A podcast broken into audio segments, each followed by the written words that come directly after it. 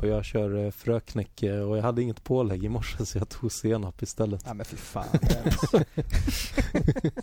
Men så är det. Någon gång åt jag, åt jag hade müsli, jag hade ingen mjölk så jag tog müsli och vatten sen måste jag gå upp. Men det gör det inte kan jag tala om. Fast blir det gröt? Ja det blir nog så fruktansvärt för jävligt.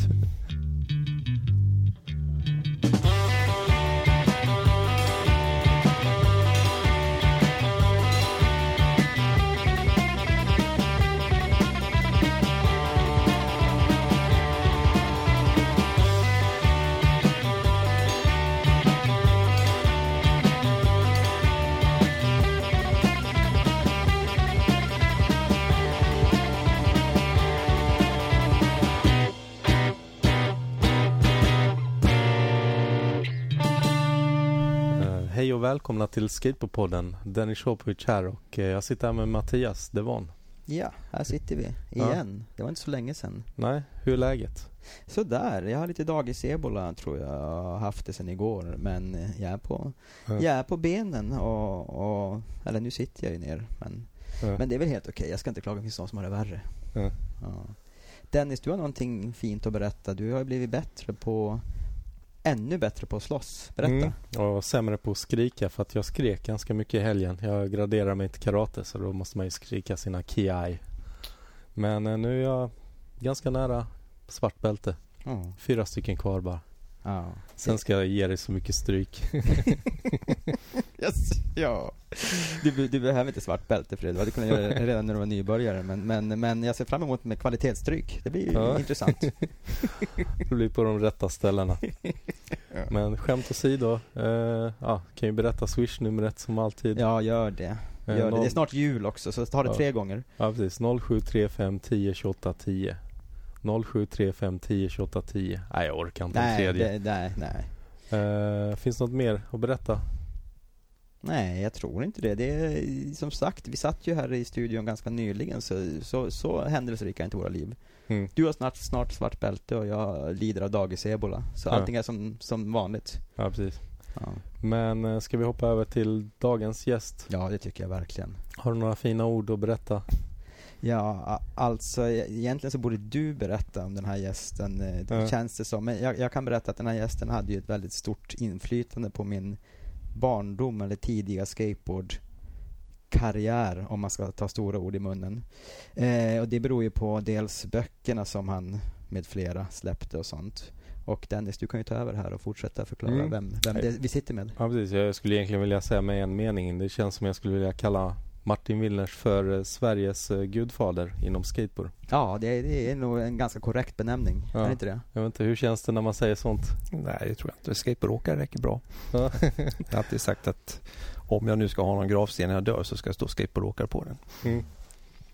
Men eh, om vi börjar från början. Första minnet av skateboard. Mm, Jag visste att den frågan skulle komma så jag har funderat lite på det.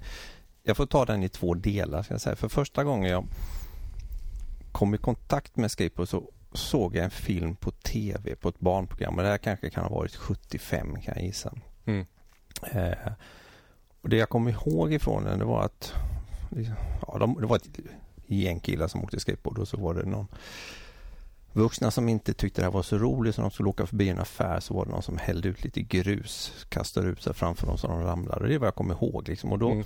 såg jag den ihop med en, kom, kompis som bodde i samma hus och så tog han då bara en, en, en liten fyrkantig brädbit, liksom plywoodskiva, satte på lite heltäckningsmatta på den och så skruvade han på hjul från en sån här kundvagn som, som snurrar åt alla möjliga Oj. håll. Liksom. Och så satt vi och stod på och åkte på den ner för någon liten backe och det gjorde vi nog bara en enda dag eller två dagar. Mm. Och det var det första. Mm. Eh, sen är jag verkligen Vilket år var det? Ja, jag kan gissa 75. Ett par år innan jag verkligen fick en skateboard så att säga. Kanske inte- ja, något sånt. Jag skulle så gärna vilja se den här filmen igen liksom. Mm. Jag vet inte var man ska hitta den. Mm. Eh, nej, men sen när jag, när jag köpte eller fick min första skateboard så var det 77 på sommaren. Och det, här, det finns en lite, li- lite roligt på flera sätt. Är att eh, jag tillbringar alltid mina somrar nere i Halmstad hos mina Mm. morföräldrar. Och så måste det ha varit vid midsommarhelgen när min mamma skulle komma ner när hon började sin semester. Och så Mm. gick vi förbi en, en sportaffär som låg vid Lilla Torg i Halmstad och så hade de skateboards i fönstret där. Och så frågade min mamma, vill du ha en sån där? Nej, sa det vill jag inte. Så gick hon in och köpte den ändå. Mm. Mm. Eh, och det på något sätt förändrade ju hela mitt liv. Jag har aldrig haft träffat på någonting som jag gillade så på en gång och som, Mm. som verkligen Alltså jag var någorlunda hyfsat duktig på det dessutom. Liksom. Jag har aldrig fastnat för fotboll eller andra idrotter. och Sånt. där. Jag spelade lite squash och lite allt möjligt. Men det var ingenting som var, men skateboard det var bara pang. Jag åkte väldigt mycket skidor på vintrarna ska jag säga. Det gjorde jag, tävlade i det. Mm. Men, men skateboard det var verkligen pang. Jag, var- det, Mm. jag höll på att tacka nej till alltihopa men hon, mammor vet alltid bäst, så är det. Ja. Så hon köpte den ändå. Men vad var det som gjorde sen när du väl fick den? Började du kolla upp lite eller vad, vad hände? Att, Nej, det var... Då, då den sommaren så... Då åkte... Jag åkte lite på mormor och morfars... De hade en innergård vid huset där de bodde ungefär. Mm. Där det inte var några bilar. Och där åkte jag lite grann, men jag visste inte hur man skulle... Jag hade ingen aning. Det roliga är faktiskt att jag har en äldre bror som heter Filip. Mm. Eh, han var inte med där nere då, men han var på ett... Hade varit på ett freestyleskidläger i Stryn och när han på hemvägen så kom han förbi Stockholm, gick in på Eurocana Mm. och köpte en skateboard. Och det har vi förstått då ganska snabbt att det var samma dag som jag fick min nere i Halmstad. Helt ovetande om varandra. så att det, vi dividerar fortfarande om vem som började åka först, om det var han eller jag. Men det är samma dag alltså. Mm. Men eh, sen, det, vi snackar om timmar, vem som Ja. var vann det är en intressant eh, tvärtom-grej här. Att ofta är det så att, att eh, folk har tjatat på sina föräldrar med Mm. skateboard. Men Mm. det var din mamma som prackade på dig Ja, ja, det, ja, det var det det. är Mm. Mm. ovanligare. Ja, det ska hon ha tack för. Mm, Ja, verkligen. Det Ja. förstår jag. Det, det som jag tycker är roligt med, eller jag måste fråga först. Eh, Halmstad, där när du köpte brädan, vad var Mm. det för bräda? Jag har kvar den faktiskt. Eh, kommer inte ihåg vad den heter. Ali, Alicante 2, 5000 eller 2, jag, jag kommer inte riktigt ihåg men en liten Mm. plastbräda. Plast här, som de alltid var med lite så här spräckliga färgen, blågrön var min.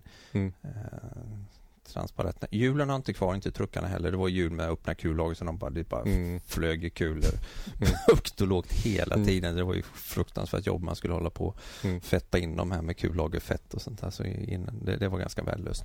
Mm. Eh, jag kan gissa att jag hade nog den bara kanske något år eller någonting sånt här. Så innan, innan jag bytte upp och innan det kom liksom skateboardbutiker på riktigt i Jönköping Ja. så man kunde få tag i bättre grejer. För, för jag tycker det är kul, för jag vet ju eh, exakt vilken sportbutik det är. Jag är ju, Lambert Jeppsson Sport. ja, och jag är uppväxt i Halmstad. Ja. Och jag började åka skateboard 86. Jag minns inte riktigt om det var 85 eller 86 men då stod det en skateboard i skyltfönstret. Samma butik. Ja, Mm. och, eh, men jag tror det var lite bättre brädor. Det var trä och det var Mm. ja, lite bättre ämne. Mm. Det var Mm. Kryptonix. Mm. Så att eh, jag vet att den brädan fick ju mig att bli sugen på att åka skateboard också. Jag har inte sparat speciellt mycket gamla brädor. Så jag har kvar min första, jag har faktiskt också kvar min första sponsorbräda men det kan vi kanske komma Mm. till. Men det, Ja, det har jag precis. faktiskt. Men eh, du nämnde Jönköping, det var där du växte upp. Mm. Ja, inte Huskvarna eller? Nej, de hänger ihop. Det finns väl lite rivalitet där också men nej. Ja. De, det, nej Jönköping, jag bodde centralt nere i Jönköping. Ja. Mitt i. Så. Har vi frågat hur gammal du är förresten? Nej, då måste jag alltid, jag måste alltid räkna. Ja, eller Räkna vilket, ut vilket år? Jag är född född? 63 så jag är 55 nu. Ja. Mm. Eh, ja, det gick snabbt att räkna. Ja. Men eh, hur, hur var det att växa upp i Jönköping om man bortser från skateboard överhuvudtaget? Ja, det var jättebra tycker Ja. jag. Jag hade en fantastisk uppväxt på alla sätt. Ja. Lite, jag kan inte säga småstad men en mellanstor stad. Men det, jag gick i skolan liksom för, från första klass till femte var liksom, det var, jag såg i princip skolan från där jag bodde. Det var Mm. kanske 200 meter. Mm. Eh, Så väldigt enkelt så. Och sen så sjätte klass flyttade man upp en liten större skola en bit ifrån och så. Men eh, nej, det var Mm. mycket, jag, som sagt, jag höll inte på mycket. Jag åkte mycket skidor, ska Mm. jag säga. Det är mitt minne jag har. Sen hängde man med kompisar och så vidare. Men jag åkte väldigt mycket skidor, tävlade alpint och sen när det kom, Mm. när freestyle kom så jag har så här svart förflutet. Åkt ballett på skidor. Det är nästan som att jag inte vågar säga det, men jag har faktiskt gjort det. Så- Wow, det är inte många som har gjort det. Nej. Jo, men det, då var det en, noll- det som kallas för freestyle skidåkning Ja. då. Liksom man tävlade i ballett, puckelpist och hopp liksom. Ja, Puckla fanns ju inte i Jönköping, fanns inte backar för det. Men Ja. ballett och hopp kunde vi göra lite grann. ja. Fast du är nog den första jag träffat som erkänner. Ja, du- det är nog inte många som vågar. Fin- fin- Finns det kvar ens balett? Nej, jag tror inte. Det finns säkert några som håller på men Ja, eh, det var väl någon videoklipp som cirkulerade på Facebook för några år sedan. Mm. Från, eh, var det 94 OS eller vad det var? Ja, det ser Mm. fruktansvärt fånigt ut. Men det man kan säga, puckepiståkarna, de tyckte nog balettåkare var det fånigaste som fanns. Ungefär som värtåkare tyckte att vi freestyleåkare var Mm. absolut det tönsigaste som fanns på hela Ja. Jorden. Och tänk att nu är vi de coolaste som finns. Ja, nu sitter vi alla tre här och kan bestämma vad vi ska tycka också. Ja, precis. Men eh, vi måste ju ta en, den här obligatoriska frågan också. Ninja-period, har du haft en sån? Den skulle komma också. Jag har gjort kaststjärnor i, i slöjden Ja.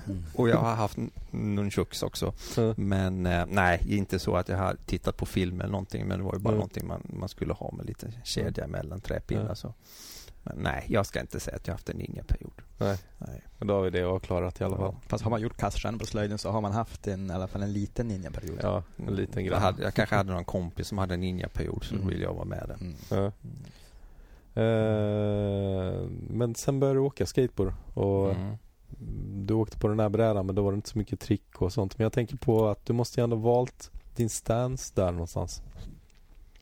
Ja, Som det- du är väldigt... eh, Ja, men det, det är ju, ja, vissa är ju födda vad- med det Ja. och andra inte. ja, Så jag var född med det då. ja. Ska vi avslöja vad det är för stance också? Ja, det är självklart att man åker goofy. Ja. Ja. Är du också goofy ja, men vad Mattias? tror du? Är inte du det? Nej, jag är regular. Då får han snart gå ut ur Ska rummet. vi avbryta det här och så tar vi Ja. över det? Så, Du och jag kör vidare. ja. Ja. ja, det är klart man är goofy. Det, det, det roliga är faktiskt att Jönköping var väldigt mycket en goofy-start sen. Sen vet inte jag, för min brorsa är också det och några av de andra som började åka först liksom. Mm. Jag vet inte om det på något sätt smittade av men Jönköping har alltid varit väldigt många goofy-åkare. Mm. Jag kan inte förklara varför. Ja, jag tänker mer att man Jag visste inte heller någonting om skateboard så när jag ställde mig på en skateboard så tänkte jag nog mer att ja, men man, man måste hålla koll på vägkanten om, och det är ju högertrafik. Du var analytisk i din start. verkligen. Vän av Man, man kan ordning. säga så här, jag har en son som heter Mac. Ja. Och när han var så här fem år och skulle börja åka skateboard ville börja så här. Då är det faktiskt så att då ställde han sig faktiskt regular. Men jag Mm. lärde snabbt om att tvinga honom till det andra sättet för att det skulle bli så krångligt för mig att instruera. Annars Ja. tänkte jag framförallt på snowboard sen. Vill Mm. man gärna åka på samma sätt. Men ja, Mm. han tvingade om. Så att det går att... Och, och, Mm. och, Men är det inte lite så här höger eller vänsterhänt? Jag har, jag har inte ens Nej. tänkt på att jag, Nej. att jag är goofy liksom någonsin. Nej. Jag tror inte jag har haft den tanken. Men det finns ett sånt klassiskt test tror jag att Aha. man kan eh, låta någon putta en bakom ryggen och den foten som man sätter först fram är den Mm. stansen man har. Jag, jag försökte Jaha. Analysera det också. Jag tror också att det är så här. Det, det är väldigt konstigt för att i, i hockey och så här så är då skjuter ju folk mest på vänstersidan så att säga. Då är det väldigt få som är i right.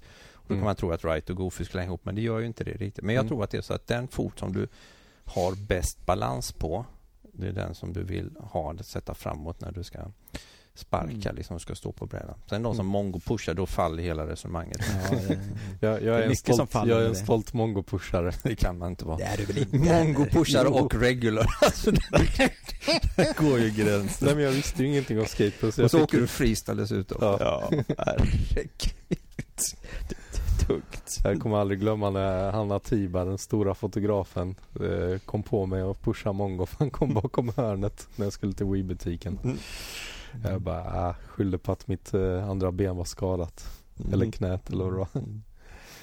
Eh, men eh, ja, Goofy har vi avklarat Ja. höll jag på att säga. Men du, Ja, men då i Jönköping när, det, när vi började åka så här så vi hade inga ramper, vi hade ingen kontakt överhuvudtaget Mm. med resten av Skateboard Sverige. Men vi var några stycken, främst kanske min, min brorsas kompisar mm, Eh, och så var det en annan kille på, på gården som hette Jens som sen blev med i samma team som jag. Så vi åkte ganska mycket men vi höll till uppe i de som kallas för Stadsparken, en liten friluftsområde. Och där fanns det en bra backe så egentligen så åkte vi och svängde och sen försökte vi hitta på lite inte trick men typer av svängar och vändningar. Så Mm. vi visste ju inget. Vi hade inte ens jag har inte sett någonting. Och så, på något sätt fick någon tag i någon amerikansk skateboardtidning och så gick vi ner till våran tobakshandlare sen som hade tidningar och bad honom ta in dem där. Och så Mm. till slut så kom de och då fick vi lite inspiration sen med. Jag kommer ihåg en grej att vi hade hört talas om att det gick att få fart utan att sparka. Det här mm, med hatta eller tic-tac vad Mm. man nu väljer att säga. Vi fattade ju ingenting och så var vi uppe och, och hängde där i, i Stadsparken. mm, Och jag fick till det. Mm. Ingen visste hur man skulle göra men jag lyckades med det. Så kommer jag ihåg hur stolt min brorsa var när vi träffade en annan kille nere på stan samma dag sen. och sa kolla här vad han har lärt sig. Liksom, han kan det här. Mm. så det var första, första tricket var att hatta. Var, var det Skateboarder Magazine eller? Vad? Ja, det var det som fanns då. Mm. Mm. Men det var väl ganska svårt att förstå tricken också för att man såg ju bara en bild och inte så mycket sekvenser. Ja, jo, det, mm. man fattade inte speciellt mycket. Jag kommer ihåg första bilden på, på en handstand kickflip man fick se. Man fattade ju hur, hur, hur ens kom han dit nej, liksom? Man nej. fattade ju ingenting. Han låg upp och ner i luften. Han nej. låg där som en mäla liksom. Man fattade inte. Men man mm. luskade ju ut det. Och det tror jag också gjorde att vi i Sverige, vi gjorde ju alltid variationer på de här tricken som kanske inte var helt rätt men vi, vi trodde vi gjorde rätt men det... Så mm. Jag tror Holknekt berättade i sitt avsnitt att just det var positiva var att ni gjorde de här variationerna. Mm. Att, att mm. Och när ni kom till USA så blev folk mindblown. Ja, för vi gjorde på ett annat sätt. Ja. Men vi trodde vi gjorde som de gjorde. Ja, exakt. Mm. Mm. mm. Vad var för favorittricket eller första riktiga trick du lärde dig förutom att hatta? Det som jag, jag kommer ihåg jag, jag, kan inte riktigt säga hur, hur, hur utvecklingen var, men jag, jag, var på en tävling 78, då hade jag egentligen bara åkt ett år. Mm. Eller kan det ha varit 79? Jag, men jag tror att det var faktiskt var 78, uppe i, i Örebro som heter Birdland Open. Och då hade vi en skateboardaffär i Stockholm av tre bröder, bröderna Bouchard, Janne och Thomas och Peter Bouchard som var, väl, de var Sveriges bästa freestyleåkare på skidor. Och så mm. startade de en butik som hette Freestyle Sportshop. De sponsrade. Så tog, körde de, Peter då körde med mig och en annan, en annan kille Gert upp till Örebro så skulle vi få med och tävla. Och då var, det var Newsport House-teamet där bland annat. Och mm. Ed Nadelin var där. Och de gjorde 180 kickflip. Jag tror faktiskt att jag kunde vanlig kickflip men Ed mm. Nadelin gjorde en 180 kickflip och jag fattade inget. Och han gjorde också spacewalk och båda tricken hade jag aldrig sett. Det var bara så här, herregud. Och jag kommer ihåg hur mycket jag tränade när jag kom hem. Mm. Men det kanske tog en vecka eller tio dagar någonting. Men så kunde jag det. Och det, det ska jag nog säga, det är nog mitt första minne av att jag lärde mig någonting som jag, jag hade sett om någon annan. Mm. På något sätt och förstod att det där ska jag ju fixa liksom. Mm. Du berättade att du hade, var sponsrad av dem. Ja, det var det ganska roligt. Vi, vi startade ett ett skateboardteam i, i, i Jönköping som heter Gamba Team, eller Team Gamba. Mm. Eh, och det var taget från eh, en Kalle Sändare-skiva. Mm. Eh, namnet Gamba. Eh, eh, och vi var fem, sex stycken. Det var jag och min brorsa, ska se om jag kommer ihåg allihopa. Gert Farstin som var en väldigt duktig slalomåkare. Jens Sköld, min kompis på gården som var fantastisk freestyleåkare. Fredrik Hock, eller Fede som han hette. Mm. Eh, och så Greger Pettersen. De flesta mm. var och Feder var den stora duktiga rampåkaren. Men mm. vi, vi satte ihop ett team och åkte runt och gjorde lite uppvisningar på skolor och på arbetsplatser och sånt här. Det, det lilla man kunde göra. Mm. Och så den först, det fanns en liten så här, skivbutik som sålde skateboard men det var bara liksom skräp. Och sen så kom gul och blå butikerna i Sverige. De sålde ju då Alva-brädor. Mm. Och så då öppnade den här gul och blå butiken i Jönköping. De började sälja Gul och blå var ett jeansmärke på den tiden för de som inte mm. vet om det. Men de började sälja Alva-brädor och då ville de ha mig och då var det Fede. Det var bara två stycken i det här teamet och sponsrade mm. med brädor. Så vi fick gå dit och fick varsin Alva-bräda med, med hjul och truck. Jag kommer inte ihåg för hjul eller någonting. Dagen mm. efter så ringer den här Peter Bouchard och berättar mm. att de ska öppna sin butik, den här Freestyle Sportshop och vill ha hel, sponsra hela teamet. Mm. Och då hade vi redan hunnit åka på brädan kanske en eller max två dagar och sånt där. Mm. Så han, och då fick han då gå till gul och blå butiken och säga att vi ska ta, det här gäller inte längre. Mm. Och fick han köpa loss de här brädorna då som vi bara använt en dag eller två. Mm. Men då fick jag inte åka på Alva längre för att de sålde Hobby istället. Mm. Så då fick jag ta bort dem där och den har jag faktiskt fortfarande kvar. Mm. Den är inte helt i mint condition vilket är himla synd för då hade den varit värt ganska mycket. Den har lite skrapgrejer sen men mm. den har jag faktiskt kvar. Mm. För den gick ju inte, fick jag ju inte åka på. Så mm. det är ganska kul att jag har kvar den. Kul. Mm. Ja. Jag får intrycket att Jönköping var en stor skateboardstad mm, tidigt. Det mm, det var det. Uh, och jag ska säga det beror väldigt mycket på min bror, ska jag säga. Okay. Alltså, han, han är en, en fixare av sällan skådat slag. Liksom, han gillar verkligen att göra saker. Han, det var han som satte ihop det här teamet och fixade alla uppvisningar. Mm. Sen startade han en klubb. Han var med och startade Svenska Skateboardförbundet. Nu gör en, han bor på Gotland numera och gör en, en Mm. stor tävling som heter Gotland 360, en cykeltävling där man cyklar Mm. runt Gotland. Då, 360 ett varv men det är också 360 kilometer och man gör det på Mm. två dagar. Mm. ehm, så han, han, det går inte att åka bil fem minuter utan han kommer på någon bra lek eller något sånt här. Liksom. Han Mm. hittar på sina egna kortspel. alltihop. Men han, väldigt mycket ska jag säga. Alla. Skateboardåkare i Jönköping har otroligt mycket att tacka Filip för att han, Ja. han fixade så mycket. Han var den som såg till att vi fick bygga en ramp i Huskvarna Folkets park och så här. Så att det, Mm. ja, det var, han, han gjorde att vi tidigt fick en, en klubb som, som hade någon organisation liksom. Så att, det, Mm. att vi, ja, de som började åka hade någonstans att ta vägen och några Mm. andra träffar och så. Har, antar, har han någon, något finger fortfarande med i skateboard? Nej, inte Nej. minst det. Nej. ja. jag antar att eh, det blev en ramp ganska snabbt där. Då när det Ja. blev organiserat, eller? För, först så... Men jag är, har så himla dåligt minne. Men jag tror faktiskt att det är... Jag kan inte säga året, men säg att det kanske var 1980. Mm. 79-80 någonstans när vi byggde den här rampen. Fick vi, för då var det folkparkerna fick, hade väl bestämt någonting så centralt att de skulle vara vänligt inställda till skateboard och upplåta mark. Så då fick vi mark att bygga en ramp där. Och så var det också ganska snabbt som Greger och Gerto som eh, var med i teamet gick på tekniskt i Jönköping, gymnasieskolan och då Mm. fick de tillåtelse av sin gymnastiklärare göra sitt specialarbete att bygga en inomhusramp i gymnastiksalen. Så lite Mm. vid, sidan om, det fanns en liten gång där så den var bara Mm. 2,40 bred och så låg den till väggen och så fanns det en halv meter till några bänkar så det var lite lätt, lätt farligt. Så, men Mm. vi hade, så vi hade tidigt en inomhuslokal också åka. Det var nog kanske Mm. en, förutom Newsport House och den här skateboardsalon i Smedjebacken så var det nog i princip Mm. den enda inomhusrampen som fanns i Sverige. Mm. Så det gjorde att vi kunde åka året Mm. runt. Ju. Eh, för du blev rätt duktig på att åka ramp där ett tag, eller? På den tiden, alla åkte ju allting på den tiden. Mm. Det var, man, man tävlade freestyle, ramp, slalom Mm. och sen kom street. Och man tävlade lite höjd upp och störtlopp och sådana saker. Men det var ju ganska vanligt att alla åkte allting. Ja. Men eh, så här var det.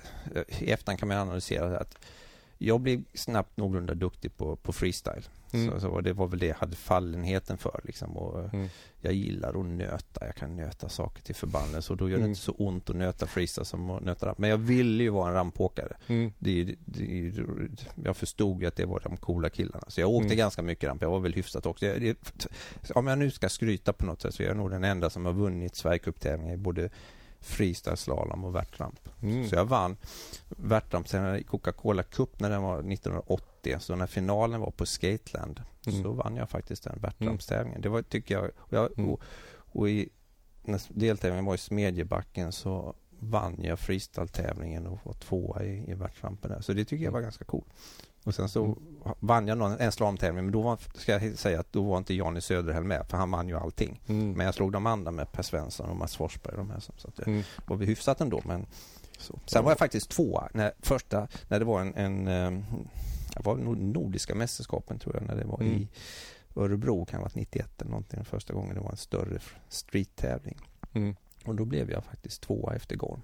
Mm. Det var, Ja. Jag tror till och med att det var en, jag tror att Cedric, vet han, Cedric ifrån Norge var nog den som vann alltihopa men bland svenskarna så var Gorm före. 91? 90, 91 något sånt där. Var det så sent? Ja, kan, jag ska gissa det. Örebro var ganska sena tävlingar liksom när de var, 90 var det väl? 90 någon... var väl SM i Örebro Ja. Och då var nog det här 91 året efter. Ah.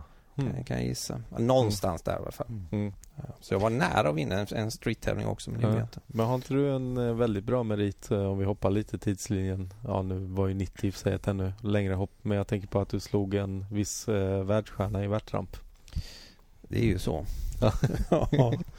ja. Ber- berätta aldrig när sett, du- jag har aldrig sett Tony Hawk så arg.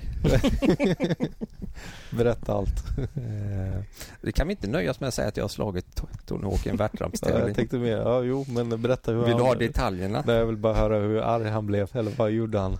Nej, han var väldigt sur. Nej, så här var det. Ja. Eh, när vi hade lägret i, i ja, summer camp i eh, Hägernäs i Täby Mm.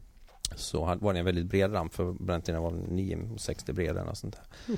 Och då gjorde vi så att då tejpade vi upp slalomkoner Mm. i den här rampen och, och Mm. körde slalom, rampslalom helt enkelt på Mm. tid. Och Jani hade ju sin tidtagarläggning med 100 delar och alltihopa. Mm. Eh, och då var väl ganska bra min kombination att kunna åka både slalom och, och, och ramp där. Plus att jag är jag är inte speciellt bra.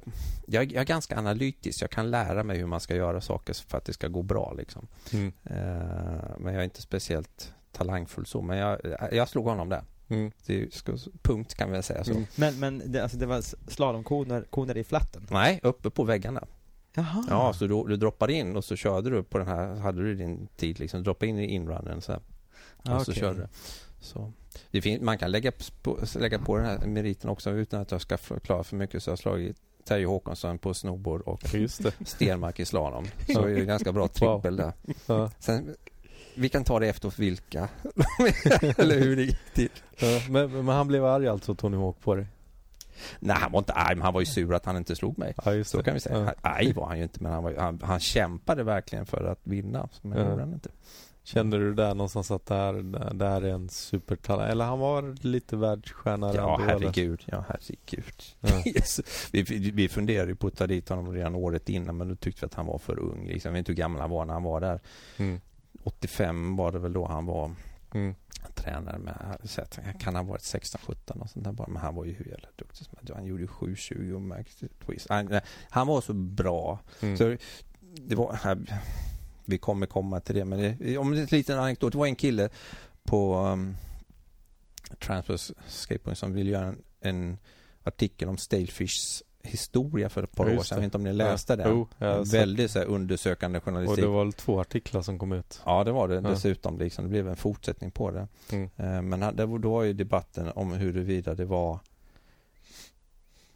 Tony Hawk eller Mark Gonzales va? Mark Gonzales ja, just det, som ja. har gjort Stalefish först. Och de två debatterade och det fanns någon bild på Mark Gonzales något år när han gjorde det. Så att det kanske var från 86 då. Och så mm. fick den här Mackenzie Eisenhower, heter han, fick han reda på att jag kanske hade bilder mm. på det här. Det. Så han ringde upp mig och frågade om jag har några bilder. Så jag gick in och jag hade skannat in alla mina bilder. Gick in och tittade och sökte. Jag har taggat dem på trick och allting. Så jag är ju analytiker så jag har gjort sånt där. Så mm. det var ganska lätt att, att söka på, på Stalefish. Uh, så hittade jag bilder så skickade jag till honom. Och det roliga då var att då var ju bilderna på backside stalefish och inte frontside stalefish. Och, och, hur jag än letade så dröjde det ett par år längre fram innan jag hade någon bild på någon frontside stalefish. Men jag hade mm. många, jag hade backside därifrån. Så jag mejlade över till honom. Han gick upp i taket. Liksom. Han mm. var jätteglad för att han fick se de här bilderna. Mm. Och då var det bevisat att Tony var före. Ja. Men var det inte någon svensk som var före Tony ändå? Ja, vi har, sam, från samma läge så har jag en bild på slappen när han gör en eggplant stalefish. Men det är inte... Det är inte riktigt samma trick men det är grabben är Grabben är ju där liksom. Så. Mm. Ja. Fast det är också ganska konstigt att man gör en backside före frontside. Det verkar ju helt ologiskt mm. liksom. För då är det mm. verkligen krångligt på riktigt. Verkligen. Mm. Ja. Och Stalefish kom man fram till var namnet kom ifrån. Ja men det är ju definitivt från, från lägret då. För ja. det var ju då, vi, vi fattade ju inte att det där var ett nytt trick där och då. Han gjorde så många trick Tony så att, som vi inte mm. hade sett någonsin innan. Så vi förstod inte vad som var nytt och vad som var, var gammalt. Mm. Vi hade ju ingen aning. Men då var det en, vi hade ju mat som kom till oss som vi hämtade i sådana matlådor. Oftast mm. var det ganska bra men så en dag så kom det en helste, helstekt liten fisk med potatis mm. liksom. Och när, man, när de här skateboardåkarna öppnade den här locket och fick se den här. Då blev det mm. rena matkriget i den där lilla mm. matsalen vi hade. De gillade inte det riktigt bra. Så därifrån kommer det. Var inte, sur, det var inte surströmming? Nej, det var det inte. Men den där fisken var inte speciellt. Mm. Den var stale. Den var stale oavsett. Ja, det var inte så mycket skateboardmat över den. Mm. Uh, jag är lite sugen på att backa tillbaka mm. åren där. Du mm. nämnde att din bror Filip startade mm. Skateboardförbundet. Mm. Uh, va, va, när var det? 79? 80, ja, det var 80 ska jag säga. Första, det var när Coca-Cola-cupen, den första deltävlingen, den var på Älvsjömässan. Mm. Eh, och det var i januari 1980 och då tror jag att de några klubbar som bestämde sig för att vi behöver nog ha förbund. Och det, var, var Filip och, och, så var det Johnny Söder som drev eh, Täby Cyborg Surfer. Vi hette Wetten Cyborg Surfers i Jönköping. Mm. Eh, och så var det några till. Mm. Eh, jag var lite med sig vid sidan om. Jag var, jag var ju ganska uh, ung och dum då. Men så, nej, lite mm. grann var med ska jag säga. Mm. Uh, men de bildades då och så bestämde de sig för att göra en tidning. Mm. Och då första två numren så hette den Off the Wall. Mm. Så det var engelskt och coolt. Så... Och det var inspirerat från Trasher? Nej, det var Vans Off the Wall. Det är deras slogan. Fortfarande? Ja. För Trash Så- hade väl någon kolumn som hette Off the Wall? Eller? Kan de ha haft det? det men Thrasher fanns inte då. Nej, i och för Det kan det Nej, inte. det men stämmer. det, 81 men vissa kommer de. Skateboard Magazine kan ha haft att de kanske hade en, Mm. en sektion som hette Ja, Off the Ball. kanske Det kan du ha rätt i. Det, det kan Mm. du ha. Men det passade ganska bra med skateboard och väggar och sånt här. Mm. Eh, Så den fick heta Off the Wall först och sen så tog det väl två nummer. Så döpte de den till svenska så att det blev uppåt väggarna Mm. istället. Och på den tiden var den kopierad och eh, urklippta bokstäver eller vad Ja. var det? Ja, gnuggisar ska jag nog Ja, säga och, och skrivmaskin. Ja. Så, så att, eh, ja, jag blev med ganska tidigt. Jag tror att jag gjorde någonting i första numret men från kanske num an, tredje numret eller något sånt där när den började heta uppåt väggarna. Sen var jag med inblandad i säkert tio års tid och, Mm. och jobbade med den. Så det är alltså det är taget från off the wall och försvenskat. Mm. Och sen så är uppåt väggarna ett uttryck att det här är helt uppåt väggarna. Ja, Antar men att och det är det off the wall betyder det också. Ja, det är liksom. klart, ja, ja, det är Mm, klart. gör det. Mm. Ja. Mm, Ja. Mm. Så, Ja. det, så, så är namnet på den. Fyndigt. Ja, Ja. Men, men tidningen var ju också mycket, vi rapporterar från tävlingar och ser till Mm, att skateboard liksom växer. Mm. Och det var väl ganska mörka år där 80 när skateboard blev ut i Sverige. Mm. Och fram till 85, 86 där när det började röra på sig igen. Ja. Mm. Nej, jag tror det var viktigt att, den, att Skateboardförbundet fanns då, att vi gjorde Mm. tidningen. Liksom för att, och så vi ordnade ju lite Sverigecuper och lite tävlingar. Det var säkert en fem, sex tävlingar om året, även om vi inte var så många. Det var ingen publik, inga sponsorer överhuvudtaget. Men vi träffades åtminstone och höll kontakten och blev ju ett otroligt sammansvetsat gäng. Liksom. Det, Mm. det är fortfarande några av mina bästa vänner. Liksom. Man blir ju nästan tårögd av att bara tänka på att vi haft så mycket gemensamt under så många år. Och Mm. det, det, var de år när när ingen annan brydde sig om skateboard som svetsade samman oss Mm. mest. Mm. Det, det, det var det. Ja, hur, hur kändes det? Kändes det som att skateboard skulle bli stort igen eller det var ju det ni jobbade lite för eller? Jag tror inte vi brydde oss överhuvudtaget. Det var Mm. det bästa vi visste. Och vi bara fortsatte att göra. Vi, jag har aldrig, för mig har det aldrig spelat någon roll ifall andra åkt också, liksom, om det Mm. var hippt eller inte. Och det tror jag inte det gjorde för någon då egentligen. Utan vi, Mm.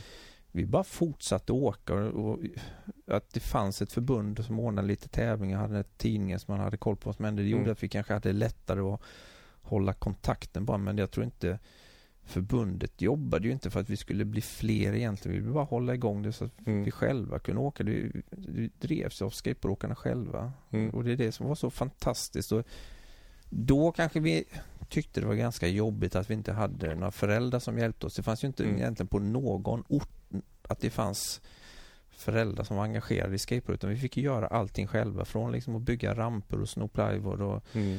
Göra tidningar och fotografera och Mm. allt vad det var liksom så gjorde vi det själva och det var jättejobbigt då men det finns ju ingenting jag är mer tacksam för Mm. idag. För, vad det, Mm. för hela den generationen vad det fostrade i att, att våga göra saker och testa och du kan och hela den här biten. Mm. Det, Ja, vi har ju haft några i podden och som ändå känns som att dragit nytta av det och gjort ganska bra karriärer. Mm. Nej men det fostrade, jag blev ju ingen entreprenör eller något sånt där. Det, men det fostrade, vi blev nog ganska fria själar på något sätt. Jag vet inte hur jag ska Mm. uttrycka det liksom. Mm. Men vi är inte rädda för någonting. En del blev entreprenörer, en del blev, Mm. jag blev någon tidningsmänniska och det hade mycket med bakgrunden med Uppåt väggarna. Jag hade inte jobbat med den i tio år. Jag hade säkert aldrig. Mm. sen jobbat med tidningar kommande Ja, det- 20 åren liksom. Och, Ja, och ja, vi ska komma in på det senare Mm. tänkte jag. Mm. Men du nämnde fotografering. Du Mm. plockar upp kameran ganska tidigt eller?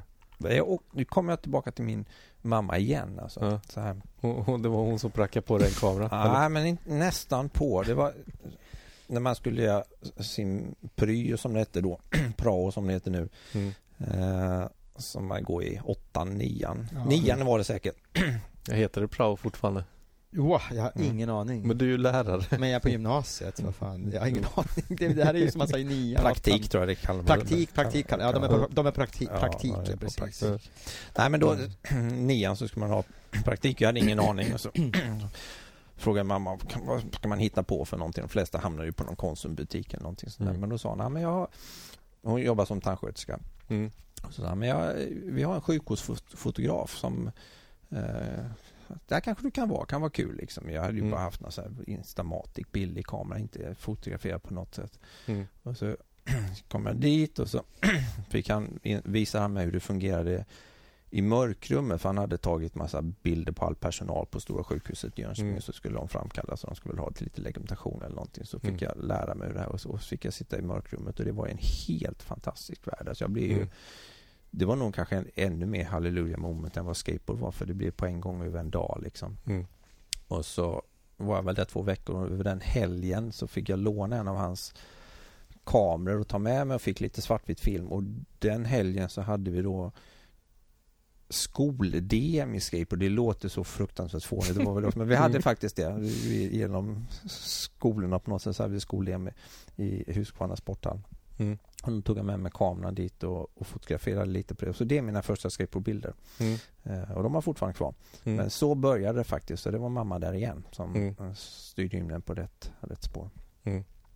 Mm. Och du fortsätter ju nu att hålla fortfarande på och fotar skulle jag säga. Ja, Skateboard jag, ibland. Jag, jag, tycker, jag, det är fantastiskt kul. Att det är nästan ännu roligare idag. Mm. Nej, på, då, om man säger på 80-talet när jag fotograferade så det var ju väldigt mycket för att vi skulle ha bilder till uppåt väggen. Jag mm. på i princip varenda tävling som fanns i Sverige under tio mm. års tid och hade alltid med mig kameran. Mm. Uh, tjänade inga pengar, det var bara en ren kostnad liksom att mm. fotografera. Mm.